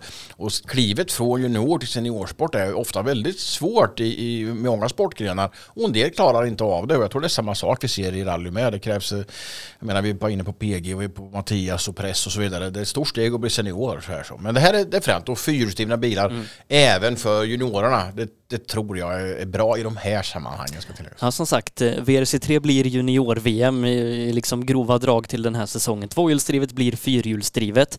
Någonting då som inte ändras, eh, det är att den nu då regerande världsmästaren finns med på startlinjen. Sami Pajari från Finland vann förra året och då borde det naturligt vara att man ska kliva vidare i karriären Sofie, men han stannade kvar ett år. Mm. Eh, han kanske känner själv där att det är en bra eh, skola att bygga erfarenhet i. Det är ju ändå en, en unik eh, möjlighet på så sätt. Det är ju Ford M-sport som driver hela den här serien. Man sköter frakt, service, reparationer, allting. Eh, som förare kommer man liksom till tävlingen och får det mesta serverat. Så jag, jag, jag tänker att det är ändå, kan vara ett klokt eh, drag för framtiden. För i, i mångt och mycket så är det ju så att man som, som tävlande eller team kommer hit med sin egen bil och, och, och tävlar men per junior-VM är det inte så utan man, man får betala en, en anmälningsavgift för att köra de här fem tävlingarna som Sofie nämnde och sen finns allting där. Eh, jag tror till och med att man får overallen så att du kommer dit med, med hjälm, förare, kartläsare, sen står bilen där redo. Ja, eh, det är ett pris som du får betala då för att ta sig in i det. Men sen, eh, sen är det också så, okej okay, nu gick bakskärmen här och så vidare så det kommer en faktura efter tävlingen också då om, om det är extra kostnader och det är det ju nästan alltid i rally att någonting händer. Men återigen, du, du fostras väldigt bra. Du är i ett professionellt team, du får fabriksnya bilar och om du har tänkt att göra en fortsättning, eh, vilket många har drömmar till, så är det här, det här är ju den optimala plantskolan om du har möjlighet att, att skapa förutsättningar till det. Och alla bilar är exakt likadana. Det är ingen som har en bättre bil än någon annan Lasse. Nej, det är väldigt, väldigt lika. Jag tror till och med man byter vitala komponenter som elektronikbox och grejer man mellan. Man lottar. Man lottar ut ja, så, där, så det blir väldigt, väldigt lika här snart. Och, och då är det så att den som vinner junior-VM av tradition får ju då en styrning i en eh, rally 2-bil eh, eller en WRC2-bil. Ja, man vinner alltså det. Det är inte, det är inte att det är teamkontakter utan Nej, du, du man får bilen den. faktiskt. Ja. Och då valde ju då regerande mästare som du pratade om, som, han valde alltså inte att ta det priset utan han valde att växla in det priset mot en säsong till här.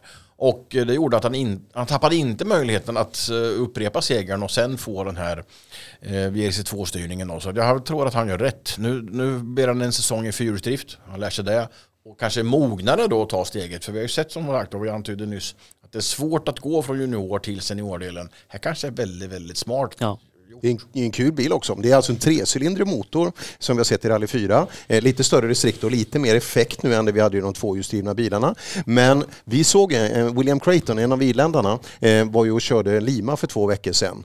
Och bilen ser jättebra ut. Den ser bra ut i beteende och man kanske var rädd att okej, okay, vi hänger på två drivaxlar till på den här effekten. För vi vet inte, vi pratar kanske 220, kanske lite plus eh, hästkrafter i motorn. Räcker det till fyrhjulsdrift? Och det vi såg där och vad vi såg på Shakedown, absolut absolut. Det ser bra ut. Sami Pajari då, eh, regerande juniorvärldsmästare. Förra året i en tvåhjulsdriven bil, kunde tagit klivet till WRC2, bytte in den bilen mot i princip då en fri säsong till i junior-VM med chansen att vinna igen och då ta klivet upp till WRC2. Eh, så det, det, är en spännande stege då, alltså man, man kör inte bara i junior-VM för att man är junior utan det finns mycket grejer att tävla om som kan ta en hela vägen, som Craig Breen, Elvin Evans, två juniorvärldsmästare som nu sitter i fabriksteam. Och det här gjorde det i slutet av att vi har för första gången någonsin i Svenska rallyts historia en enda tvåhjulsdriven bil till start. ja. En enda tvåhjulsdriven. Smaka på det. Ja. Ska, eh, utvecklingen går framåt. Vi ska komma till den tvåhjulsdrivna bilen för att vi, vi har ju en förare som rönt mycket intresse på förhand eh, från Kenya som nu då är eh, sedan förra året arrangör av Safari-rallyt igen då i, i, VM och nu då har en förare på, eh, på VM-nivå. Han heter eh, rallyklingande ja. McRae i förnamn. Eh, efternamnet är Kimati eh, som innan han kom hit aldrig egentligen hade sett snö och is. Är det så att han hade väldigt kloka föräldrar? Med tanke på det förnamnet. Ja, ja det måste ju de vara hade, det. Ja. De hade nog rätt intresse. Det känns så, det känns så. Vi, vi stötte på eh, den här då eh, friskusen får man ändå säga. Han kommer med, med, mycket energi och stort intresse kring sig in i årets junior-VM med Craig Kimati som då var med på presskonferensen inför tävlingen eh, som vi nu hör då på engelska. Welcome to the World Rally Championship. First of all, it's fantastic to see you as part of the junior WRC for this season. Tell me how excited you are to get the campaign underway. Yeah, for sure. For me, it's quite exciting. I've come from a very, very long way out. Um, first time here on snow, uh, first time in the Rally of Sweden, first time doing a European event for me. Um, I'm pretty much excited. Uh, as you can see, I'm trying to keep it all calm like Sammy here. But um, no one is ever as calm as Sammy. Yeah, he's very very calm and very fast.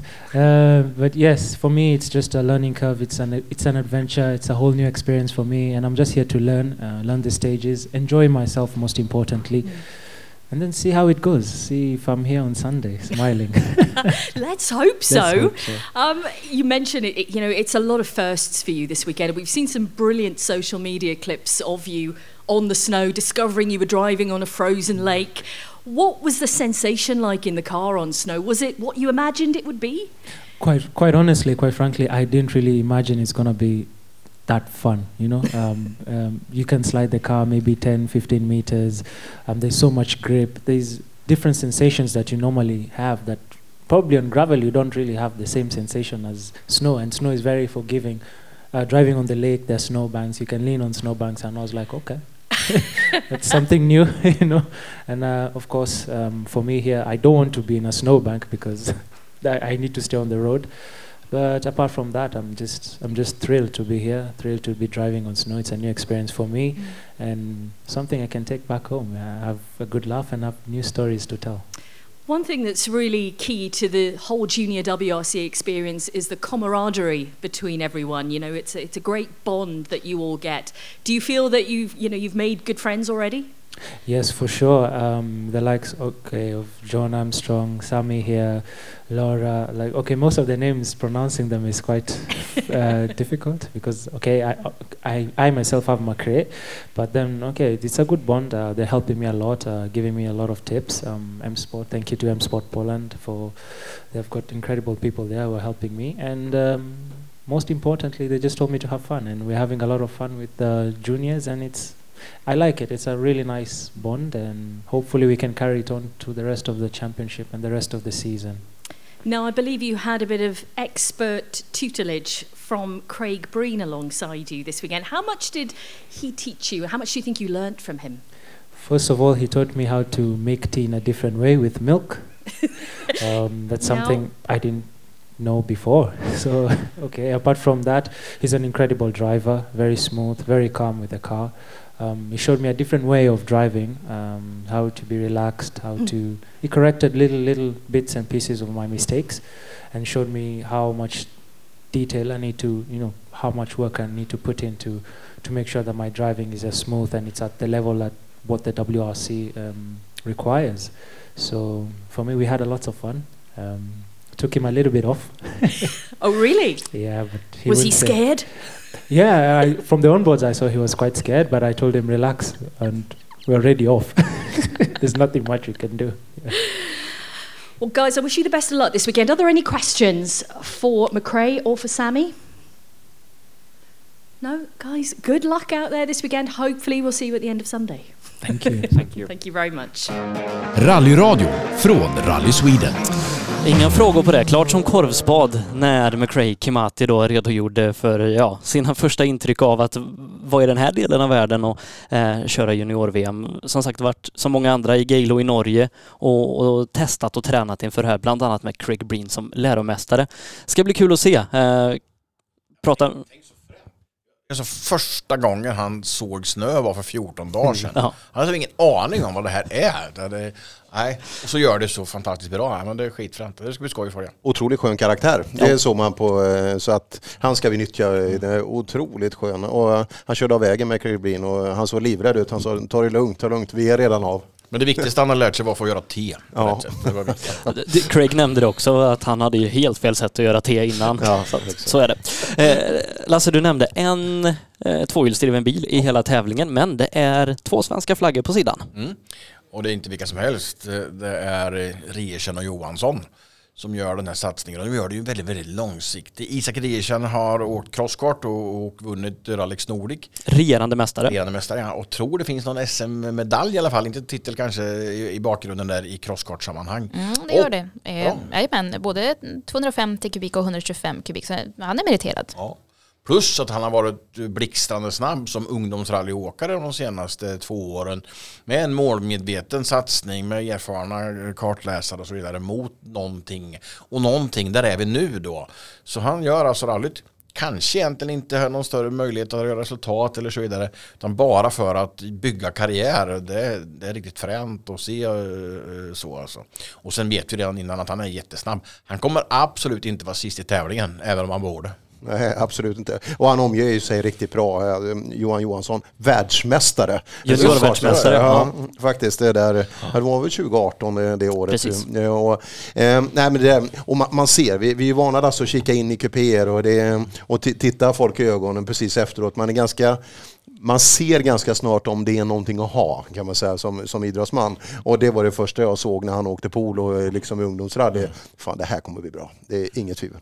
Körde SM i Boden, pallplats där, tog en sträckseger i sin första riktiga rallytävling efter det att han hade tagit körkort. Tävlat, testat nästan varje helg här för erfarenhetens skull och vi har ju läst att det är junior-VM om kanske två säsonger som är målet för Isak Reiersen. Han, han vill, bli, vill bli världsmästare i rally. Han tog alltså körkort 8 december.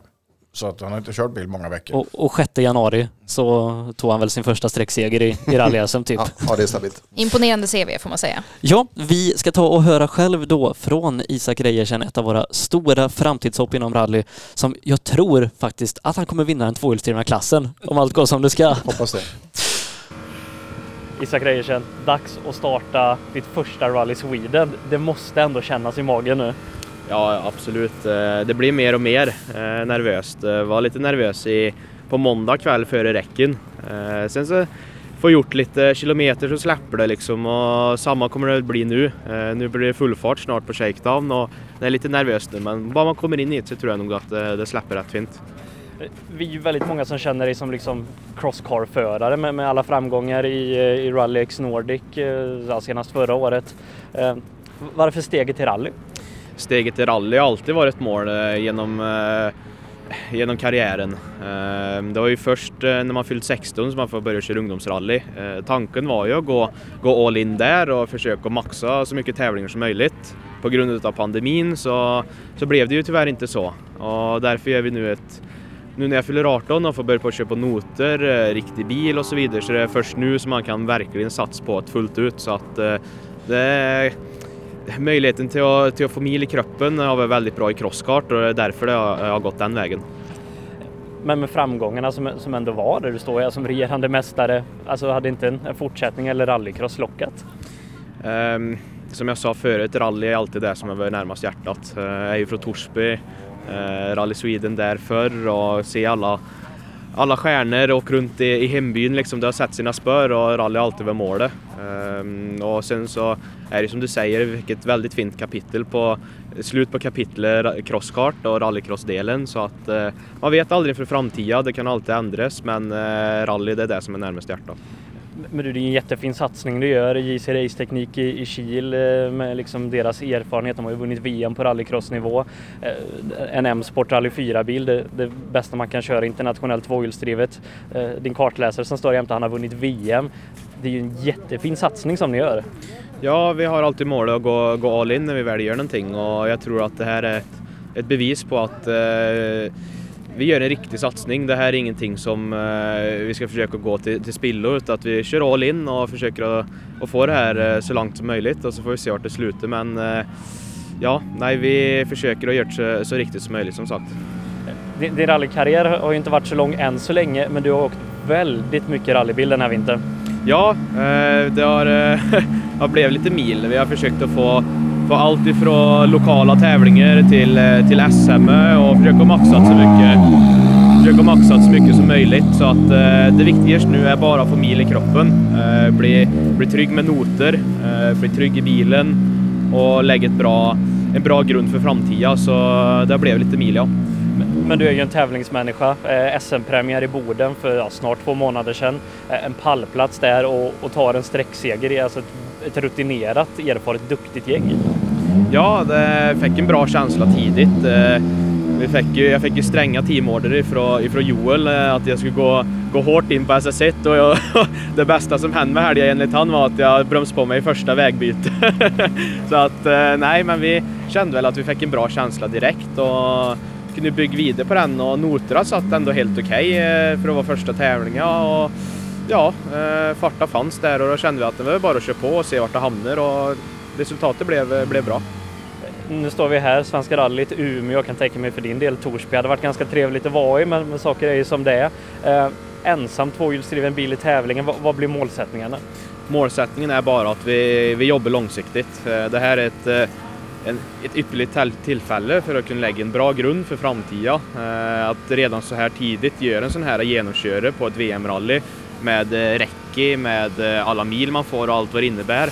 Eh, Det är bara ett, en del av den långsiktiga plan vi har att kunna fullföra ett sånt här rally så att det blir bara att samla erfarenhet för, för framtiden som gäller. Men- liksom du som jag, vi, vi stora rallyfan, alltså att få köra ett VM-rally, det, det måste ju vara något helt extra. Kommer du kunna sova i natt? får se lite av det. Det är lite orealistiskt det är det, att kunna göra den här debuten så pass tidigt. Så nej, vi får se om det blir någon sömn i natt. Eh, Du, stort lycka till och vi, vi kommer förhoppningsvis följa er så mycket vi kan under helgen. Ja, tusen tack, tusen tack. Reklam. Elbrader presenterar stolt arbetskläder för, ja, riktiga proffs. För hantverkare med höga krav på komfort, funktion och kvalitet. Sköna och smidiga och extremt slitstarka. Arbetskläder som verkligen funkar som de ska så att du får en skönare arbetsdag. Du, handla hos våra återförsäljare. Eller kolla in elbrader.com. Elbrader, arbetskläder för proffs. Hej motorsportvänner! Nu är säsongen äntligen här. Hos Autoracing hittar du allt inom motorsport från världsledande tillverkare. Allt på ett ställe. Hjälmar, stolar, rattar. Ja, allt du kan tänka dig. Med över 50 000 artiklar i lager är vi redo. Är du? Autoracing.se Hej! Hanna från Hillert Maskin här. Vi är stolt partner till Svensk Bilsport, men nära rallyförare, det är vi inte. Vi är däremot experter på Merlo teleskoplastare. Surfa in på hillert.se och hitta teleskoplastaren som lyfter din verksamhet. Och du, kör lugnt! HiQ skapar en bättre värld genom att förenkla och förbättra människors liv med teknologi och kommunikation. För mer information besök hiq.se. För att vinna i rally måste allt fungera. Även i depån räknas varje sekund. Det gäller att alltid ha ordning på verktygen, veta var du har de verktyg du behöver och att de är av hög kvalitet så att de fungerar optimalt. Tänk Tools har jobbat med motorsportteam över hela världen i många år och är nu stolt huvudpartner till svensk bilsport. Tänk Tools hjälper dig att organisera dina verktyg. Hela sortimentet hittar du i närmaste Swedol eller Tools butik. Säg hej till ett larm du kommer igång med på 15 minuter och styr superenkelt via mobilen. Mer trygghet med inbyggd grannsamverkan. Snabb hjälp av de som bor närmast. Med Sensor Alarm får du en enda enhet som vaktar hela ditt hem mot inbrott, brand, strömavbrott, temperaturförändringar och översvämning. Inga startkostnader. Prova utan kostnad. Sensor Alarm. Ett hemlarm för alla. Välkommen till Skydda. Vårt arbete går ut på att skapa säkrare arbetsplatser så ingen behöver skada sig. Skydda är specialister på personlig skyddsutrustning och hur den används. Vi utbildar våra återförsäljare och ser till att de erbjuder dig rätt skyddsprodukt för rätt tillfälle. Så oavsett om du behöver nytt andningsskydd för jobb i asbestmiljö eller en hörselkåpa för extra bullriga miljöer kan våra återförsäljare hjälpa dig med rätt produkt för just ditt arbetsmoment för att du ska komma hem oskadd från arbetsdagen. Läs mer på skydda.se. Tidningen Bilsport, Rally och Racing. Från och med i år fokuserar tidningen på rallysporten. Vi presenterar intressanta personer, team och företag. Vi rapporterar från tävlingar, gör garagebesök och kryddar med krönikor och intressant teknik. Du får fortfarande ett och annat reportage om andra sportgrenar. Köp senaste numret eller teckna din prenumeration på www.rallyracing.se. Tidningen Bilsport och Rally Racing med fokus på rally. Du lyssnar på rallyradion från Rally Sweden direkt på SBF Play, Pop och Rock och Rockstar. Så är det, Svensk Bilsports rallyradio från Rally Sweden denna torsdag kväll 24 februari. Sebastian Borgert i studion med Sofie Lundmark, Lars Jonsson och Per Johansson fram till klockan åtta idag. Vi har egentligen gått igenom förutsättningarna vad gäller bilar och de som ska tävla i rallyt och lite varför vi är här i Umeå. Eh, Sofie, du har ju tävlat på hög nivå som, som kartläsare eh, och ja, det, det händer ju mer än bara rallytävling fredag, lördag och söndag. En rallyvecka, hur börjar den? Det är väldigt intensivt kan man säga. Det börjar ju egentligen en hel vecka innan eh, där man då kör rek har man gjort då nu då tisdag, onsdag innan eh, tävlingarna då drar igång. Och jag bara undrar, vad är en rek? En rek, det är helt enkelt en rekognosering. Man kör igenom alla sträckor två varv. Första varvet skriver man noterna. Då är det föraren som säger till kartläsaren hur man har tänkt att gradera respektive kurva och vad man har tänkt sig hur det ska se ut. Och sen andra varvet så läser då kartläsaren upp eh, noterna för föraren och så får man göra vissa justeringar då om det är så att eh, det behövs. Eh, och nytt nu då i och med att allting är nytt eh, nu när rallyt har flyttats från Värmland till Umeå är ju att ingen har ju noter sedan tidigare så man har inget gammalt material att man kan utgå ifrån. Jag vet två personer som har noter på en sträcka. Det är PG Andersson och Mattias Adielsson för den gick i rally-SM senast vi var här. Så är det och så troligtvis också Jörgen Jonasson till exempel. Ja, han, han, har, han har kanske på alla, vem vet. Han kanske bor längs en sträcka så att han kommer ihåg alltihop.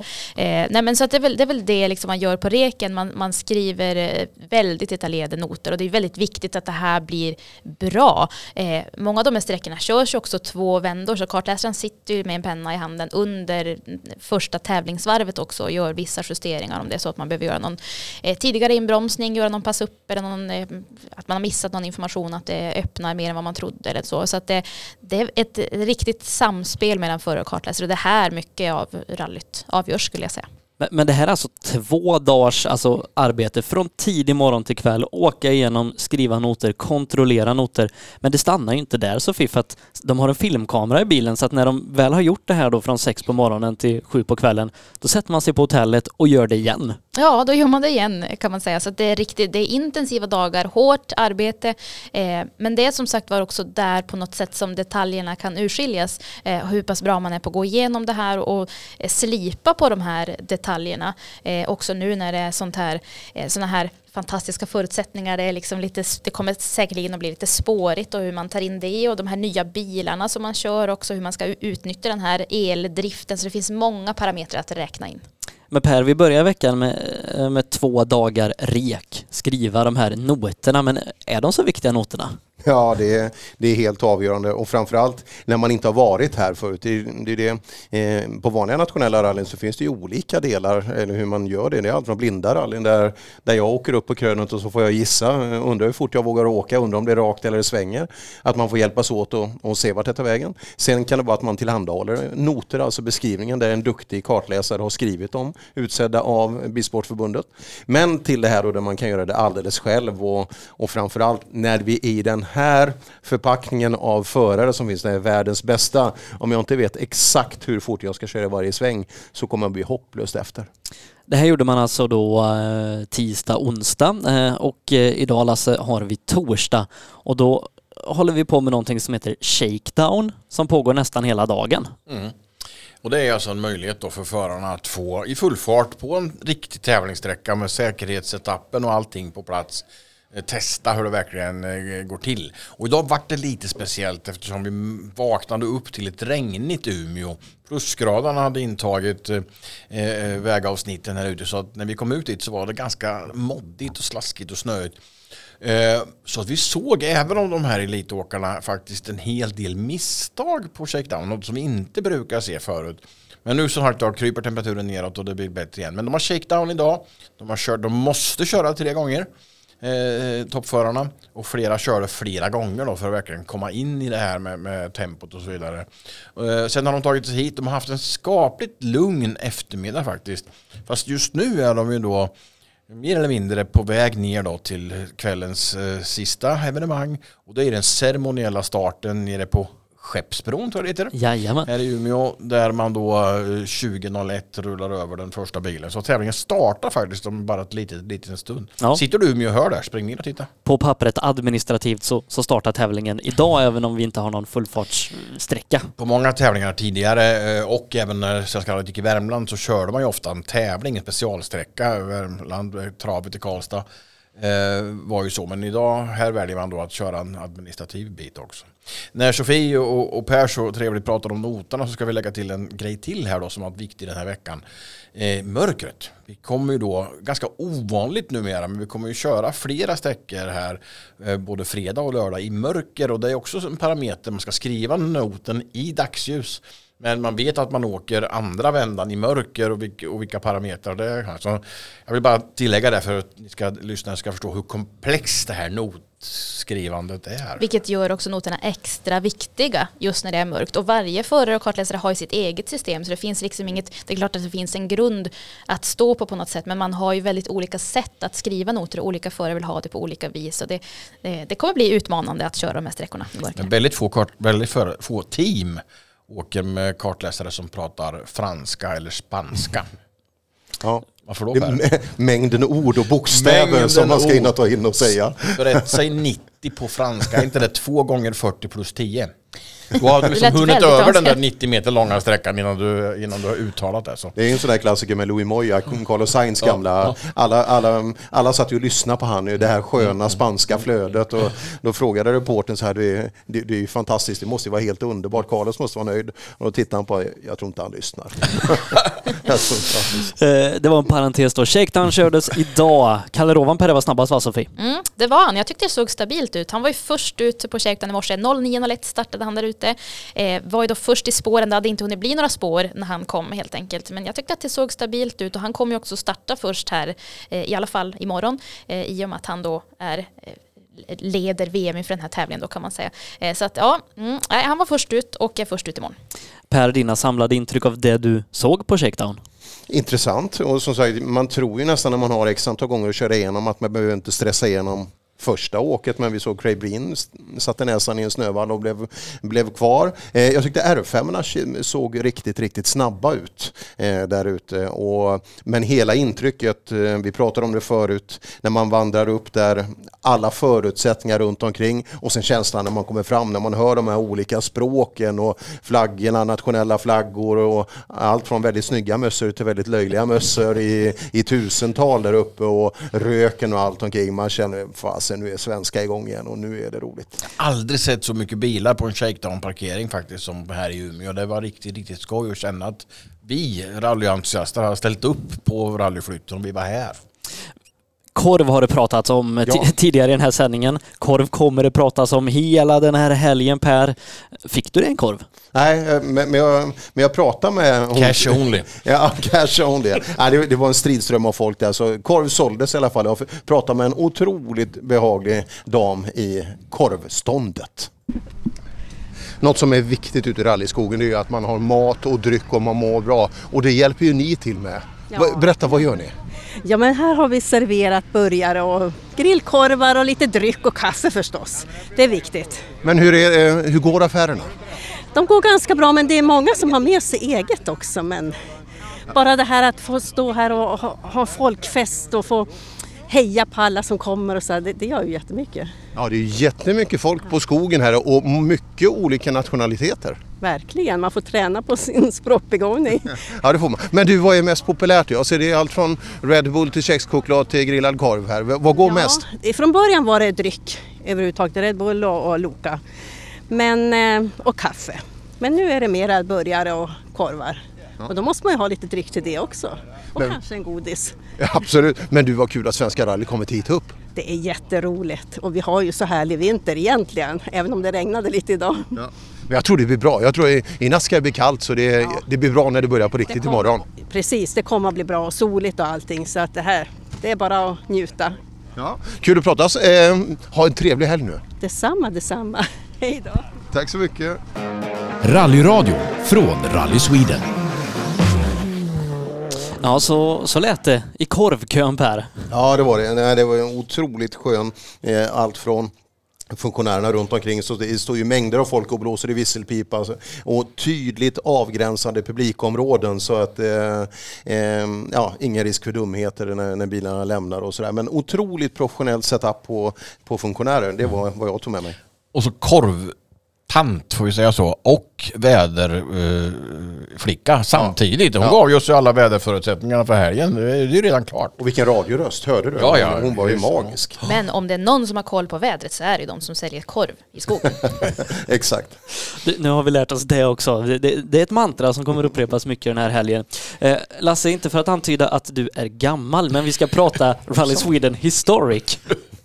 Okej, vad vill du veta? Nej, eh, jo, men det är ju så också att förutom Rally Sweden, den riktiga tävlingen då, så har man ju, likt många andra ställen i världen, eh, likt i, i de sista åren då, tagit med historiskt rallytävlande. En eh, del av rallysporten som har blivit väldigt populär.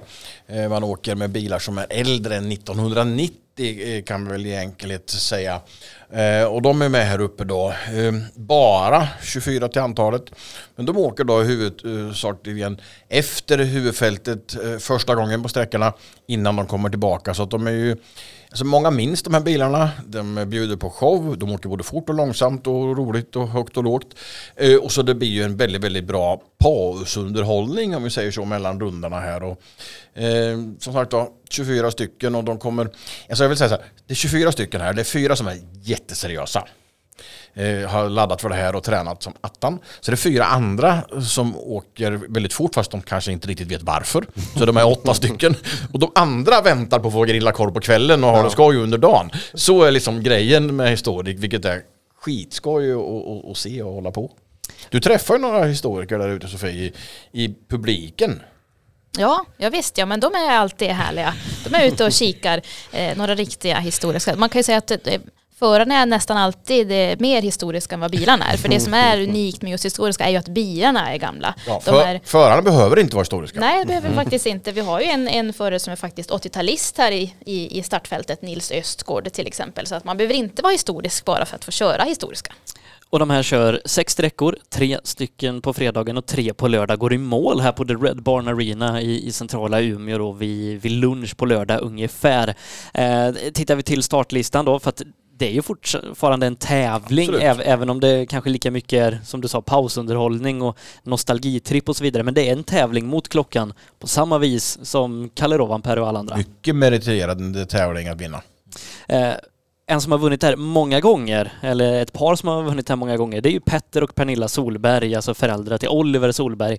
De är ju här, men de tävlar inte i Rally Sweden Historic. Och det tror jag många är både glada och ledsna för Per. Ja, det är ju otroligt sköna profiler och när de tog eskorten där till det.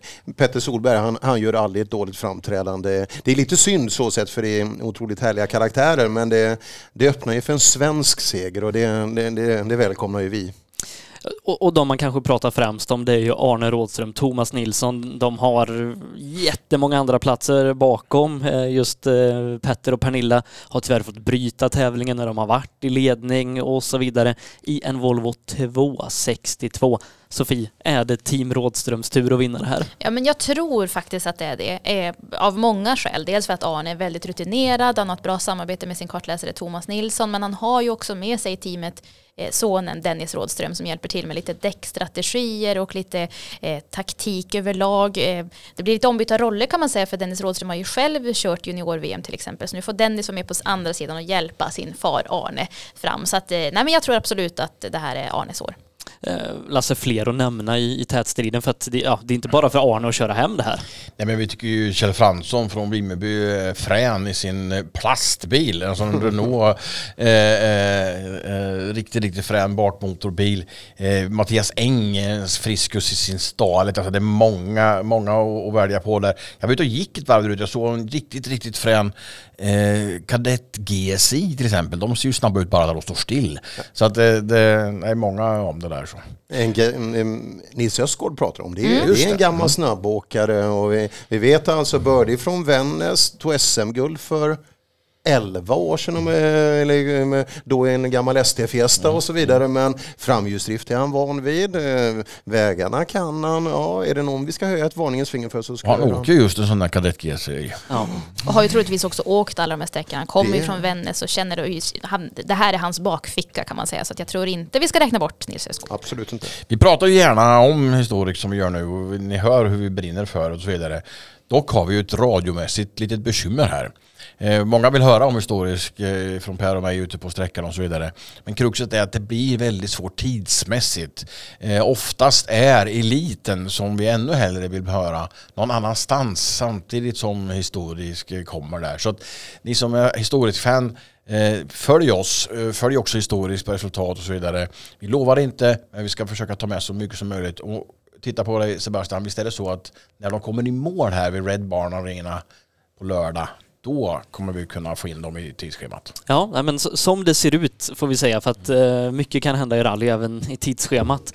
Uh, så ska Per stå på The Red Barn Arena och ta emot då de här bilarna när de kommer i mål. Vi, vi ska även försöka göra instick. Resultaten uppdaterar vi givetvis när vi har tid i, i radion och kanske att vi till och med ja, de är färdiga ganska tidigt på fredagen, kan få in någon i studion eller ringa någon. Alltså, vi, vi gör vad vi kan för att förmedla Historic som är, som är en viktig del av Svenska rallyt.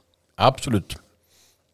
Eh, det är som sagt om Historic, eh, om vi nu då när klockan börjar närma sig 20, liksom ska, ska sammanfatta och summera lite av det vi, vi pratat om innan.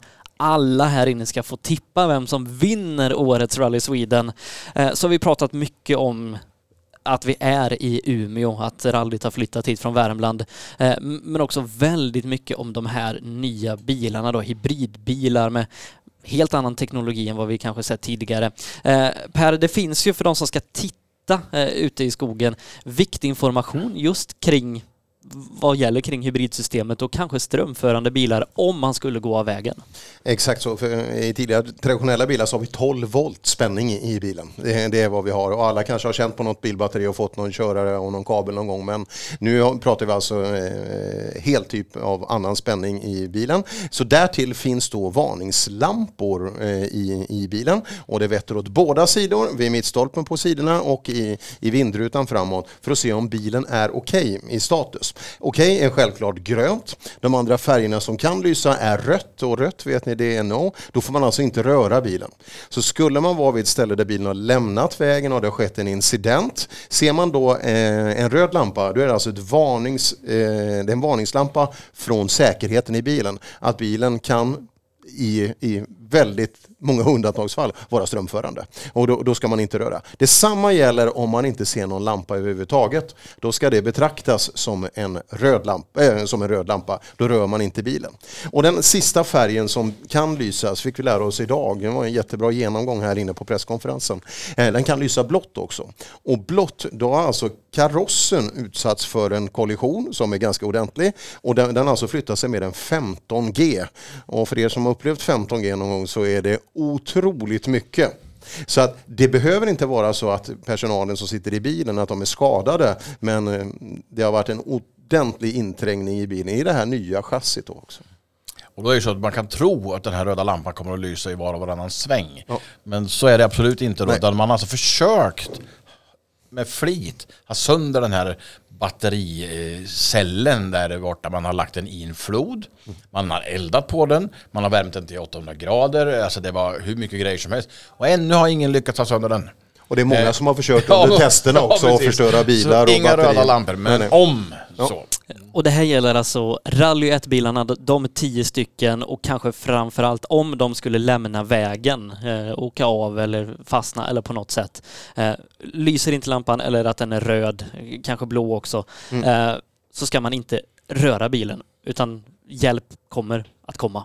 Man kan också säga det att, att eh, de som sitter i bilen har också speciella handskar som man ska ta på sig utifall att man måste ta sig ur bilen när den, den här lampan lyser rött. Och de som jobbar med räddningstjänst under den här tävlingshelgen har också fått väldigt rigorösa instruktioner om hur man hanterar en bil som lyser rött. Så att det, är inte, det är inte bara det här nya reglementet, så det finns väldigt mycket säkerhet kring det. Jag tror nog räddningstjänsten är bättre förberedda än vi vanliga lekmän och även utövarna i bilarna för att det här är ju en vardag för dem ute när de kommer till trafikolyckor på vägarna. Är det då en, om vi bara tar ett märke, det finns andra elbilar också, men en Tesla till exempel, så vet de alltså hur man ska agera i de här för det är en, det är en helt ny vardag för dem där ute. Så vi, jag träffade ju Magnus där uppe vid lunchen som har jobbat då med rallycrossen i Höljes för där har man kört elbilar i flera år och, har, alltså, och då, man har tagit den ko- räddningskompetensen ifrån den motorsporten och flyttat upp hit till Värmland. Så. Ja, intressant och smart. Vi, vi nämnde ju Oliver Solberg då, som sagt, vårt, eh, vårt stora svenskap i VRC-klassen. Men vi har ju en till, Sofie, som är med och tävlar där, som icke är att förglömma. Absolut, och det är mera värmländskt ska vi säga. Då i kartläsarstolen, det är Jonas Andersson vi pratar om som åker med Gus Greensmith. Eh, väldigt meriterad kartläsare ska vi säga. Så att, eh, ja, jag tror att eh, Jonas kan lotsa Gus till en eh, bra placering. Jag vill ju hävda att Jonas Andersson, alltså kartläsare då till Gus Greensmith i det här fallet, är kanske i modern tid den mest erfarna svensken vi har i rally-VM. Det är 20 år som han i princip har levt på att åka rallybil i VM. Absolut, eh, han är det. Det är inget du funderar utan så är det ju helt enkelt. Och Gus Greensmith då som eh, i sitt föregående år i M-Sport Ford-teamet hade lite bekymmer med kartläseriet. Samarbetet lirade inte, han bytte flera gånger. Och sen så testade han eh, på något inspel, jag kommer inte ihåg hur det var, just Jonas Andersson. Och det klickade direkt. Och jag kan mycket väl som känner Jonas förstå det för att han är en väldigt sympatisk person helt enkelt. Plus att han är en väldigt duktig kartläsare då. Så att eh, de har funnit varandra eh, och eh, gjorde det väldigt bra i Monte Carlo. Gas absolut bästa rally någonsin.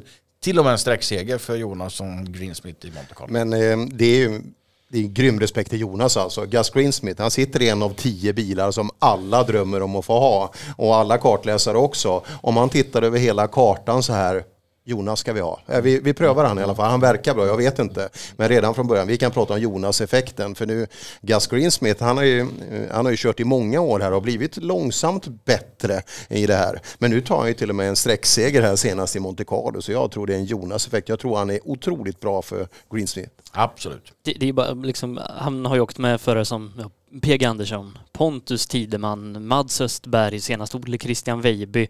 Han har ju han är ju den senaste svensk att vinna ett VM-rally tillsammans med Mats Östberg. Portugal måste det ha varit 2011 tror jag. Ja. Uh, han, han, vann en tävling och har ju VM-titlar, junior, WC2-titlar. Uh, han är ju, uh, och jag hoppas att man, man kommer inse det här, så kanske en av de absolut största inom svensk rally.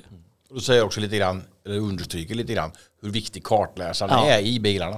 Mm. Eh, Jonas får vi anledning att återkomma till. Vi ska tippa det här. Eh, jag, jag, vill ha, ja, vi, vi, kan ju tillsammans sätta förutsättningar. Jag vill i alla fall ha vinnaren av rallyt. Vill ni ge mer tips än så, Sofie?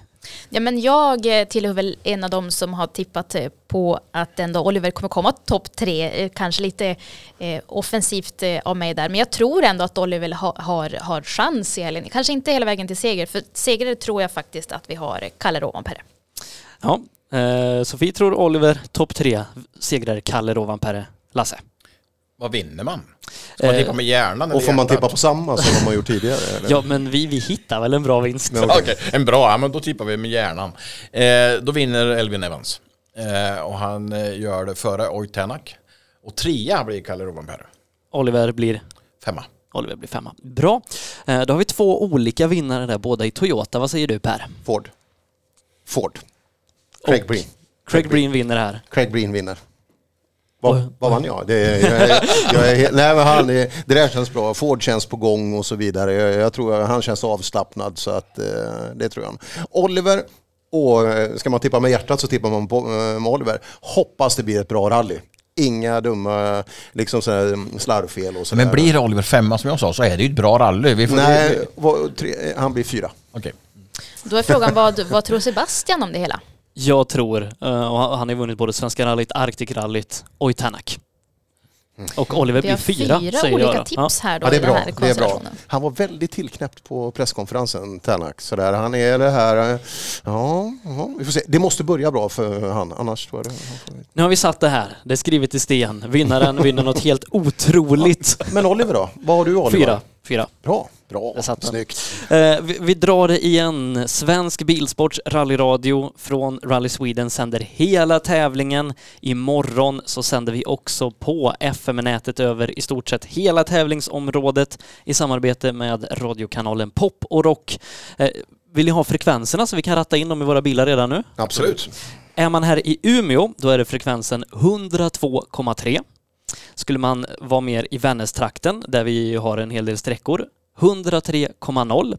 Ännu mer nordväst eh, i Lyckseletrakten 101,1 och söderifrån så stärker vi upp med Örnsköldsvik då 89,8 och 87,6.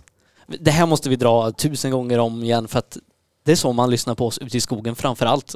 Mm. Och i bilarna. Och sen är ju då sbf.se, SBF Play Rock och Pops hemsida. Lite annat sånt bra ställen att hitta den här informationen om man trots allt glömmer bort frekvensen i Umeå som ja. var Sofie. 102,3. Bra! Där satt. Bra siffror. 103,0 ska jag ha. I Vännäs. Ja, ja, ja, ja, det missar vi inte. Eh, Svensk Bilsport, eh, som sagt, är det som står bakom eh, årets rallyradio i samarbete med Rally Sweden. Och all information man behöver finns ju på sbf.se som du sa Lasse, Svensk Bilsport på sociala medier. Så ser vi fram emot det. Klockan åtta imorgon Sofie, då sitter du och jag här i studion på HQ Norlia. Lasse, vi skickar dig till SS1 och Per till SS2. Ja, jag lyssnar på Lasse och er. Det blir ju jättebra. Med det så, så tar vi väl och säger eh, ja, stort tack för alla som lyssnat. Vi är jättetaggade på att dra igång årets Rally Sweden. Och man har fortfarande tre minuter på sig att ta sig till Skeppsbron och se Kalle Rovanperä rulla över rampen. Eh, Så med det säger vi väl tack för idag. Tack för idag. Tack ska ni ha. Reklam. L-Brader presenterar stolt arbetskläder för, ja, riktiga proffs. För hantverkare med höga krav på komfort, funktion och kvalitet. Sköna och smidiga och extremt slitstarka. Arbetskläder som verkligen funkar som de ska så att du får en skönare arbetsdag.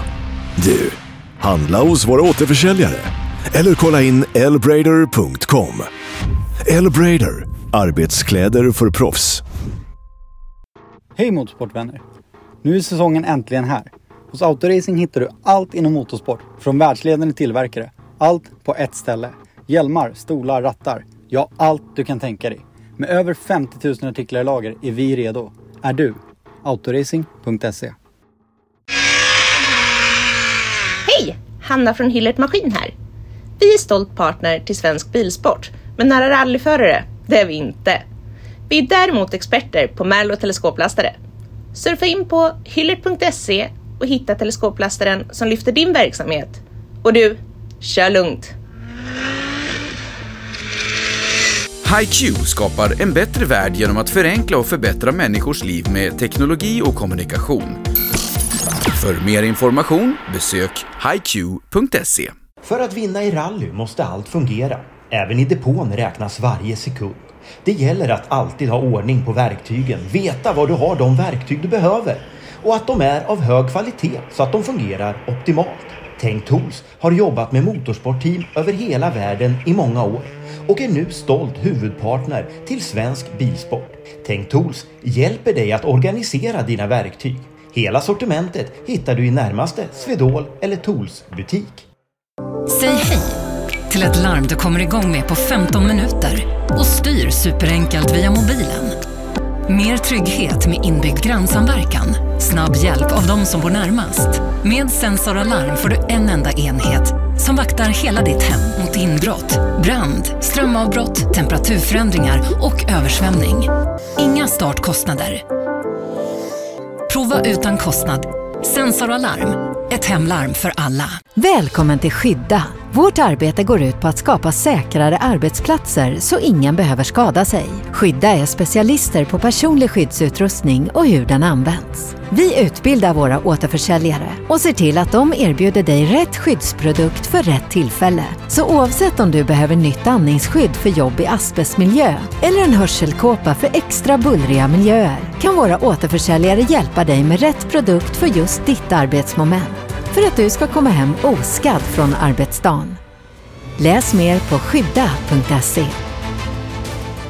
Tidningen Bilsport, Rally och Racing. Från och med i år fokuserar tidningen på rallysporten. Vi presenterar intressanta personer, team och företag. Vi rapporterar från tävlingar, gör garagebesök och kryddar med krönikor och intressant teknik. Du får fortfarande ett och annat reportage om andra sportgrenar.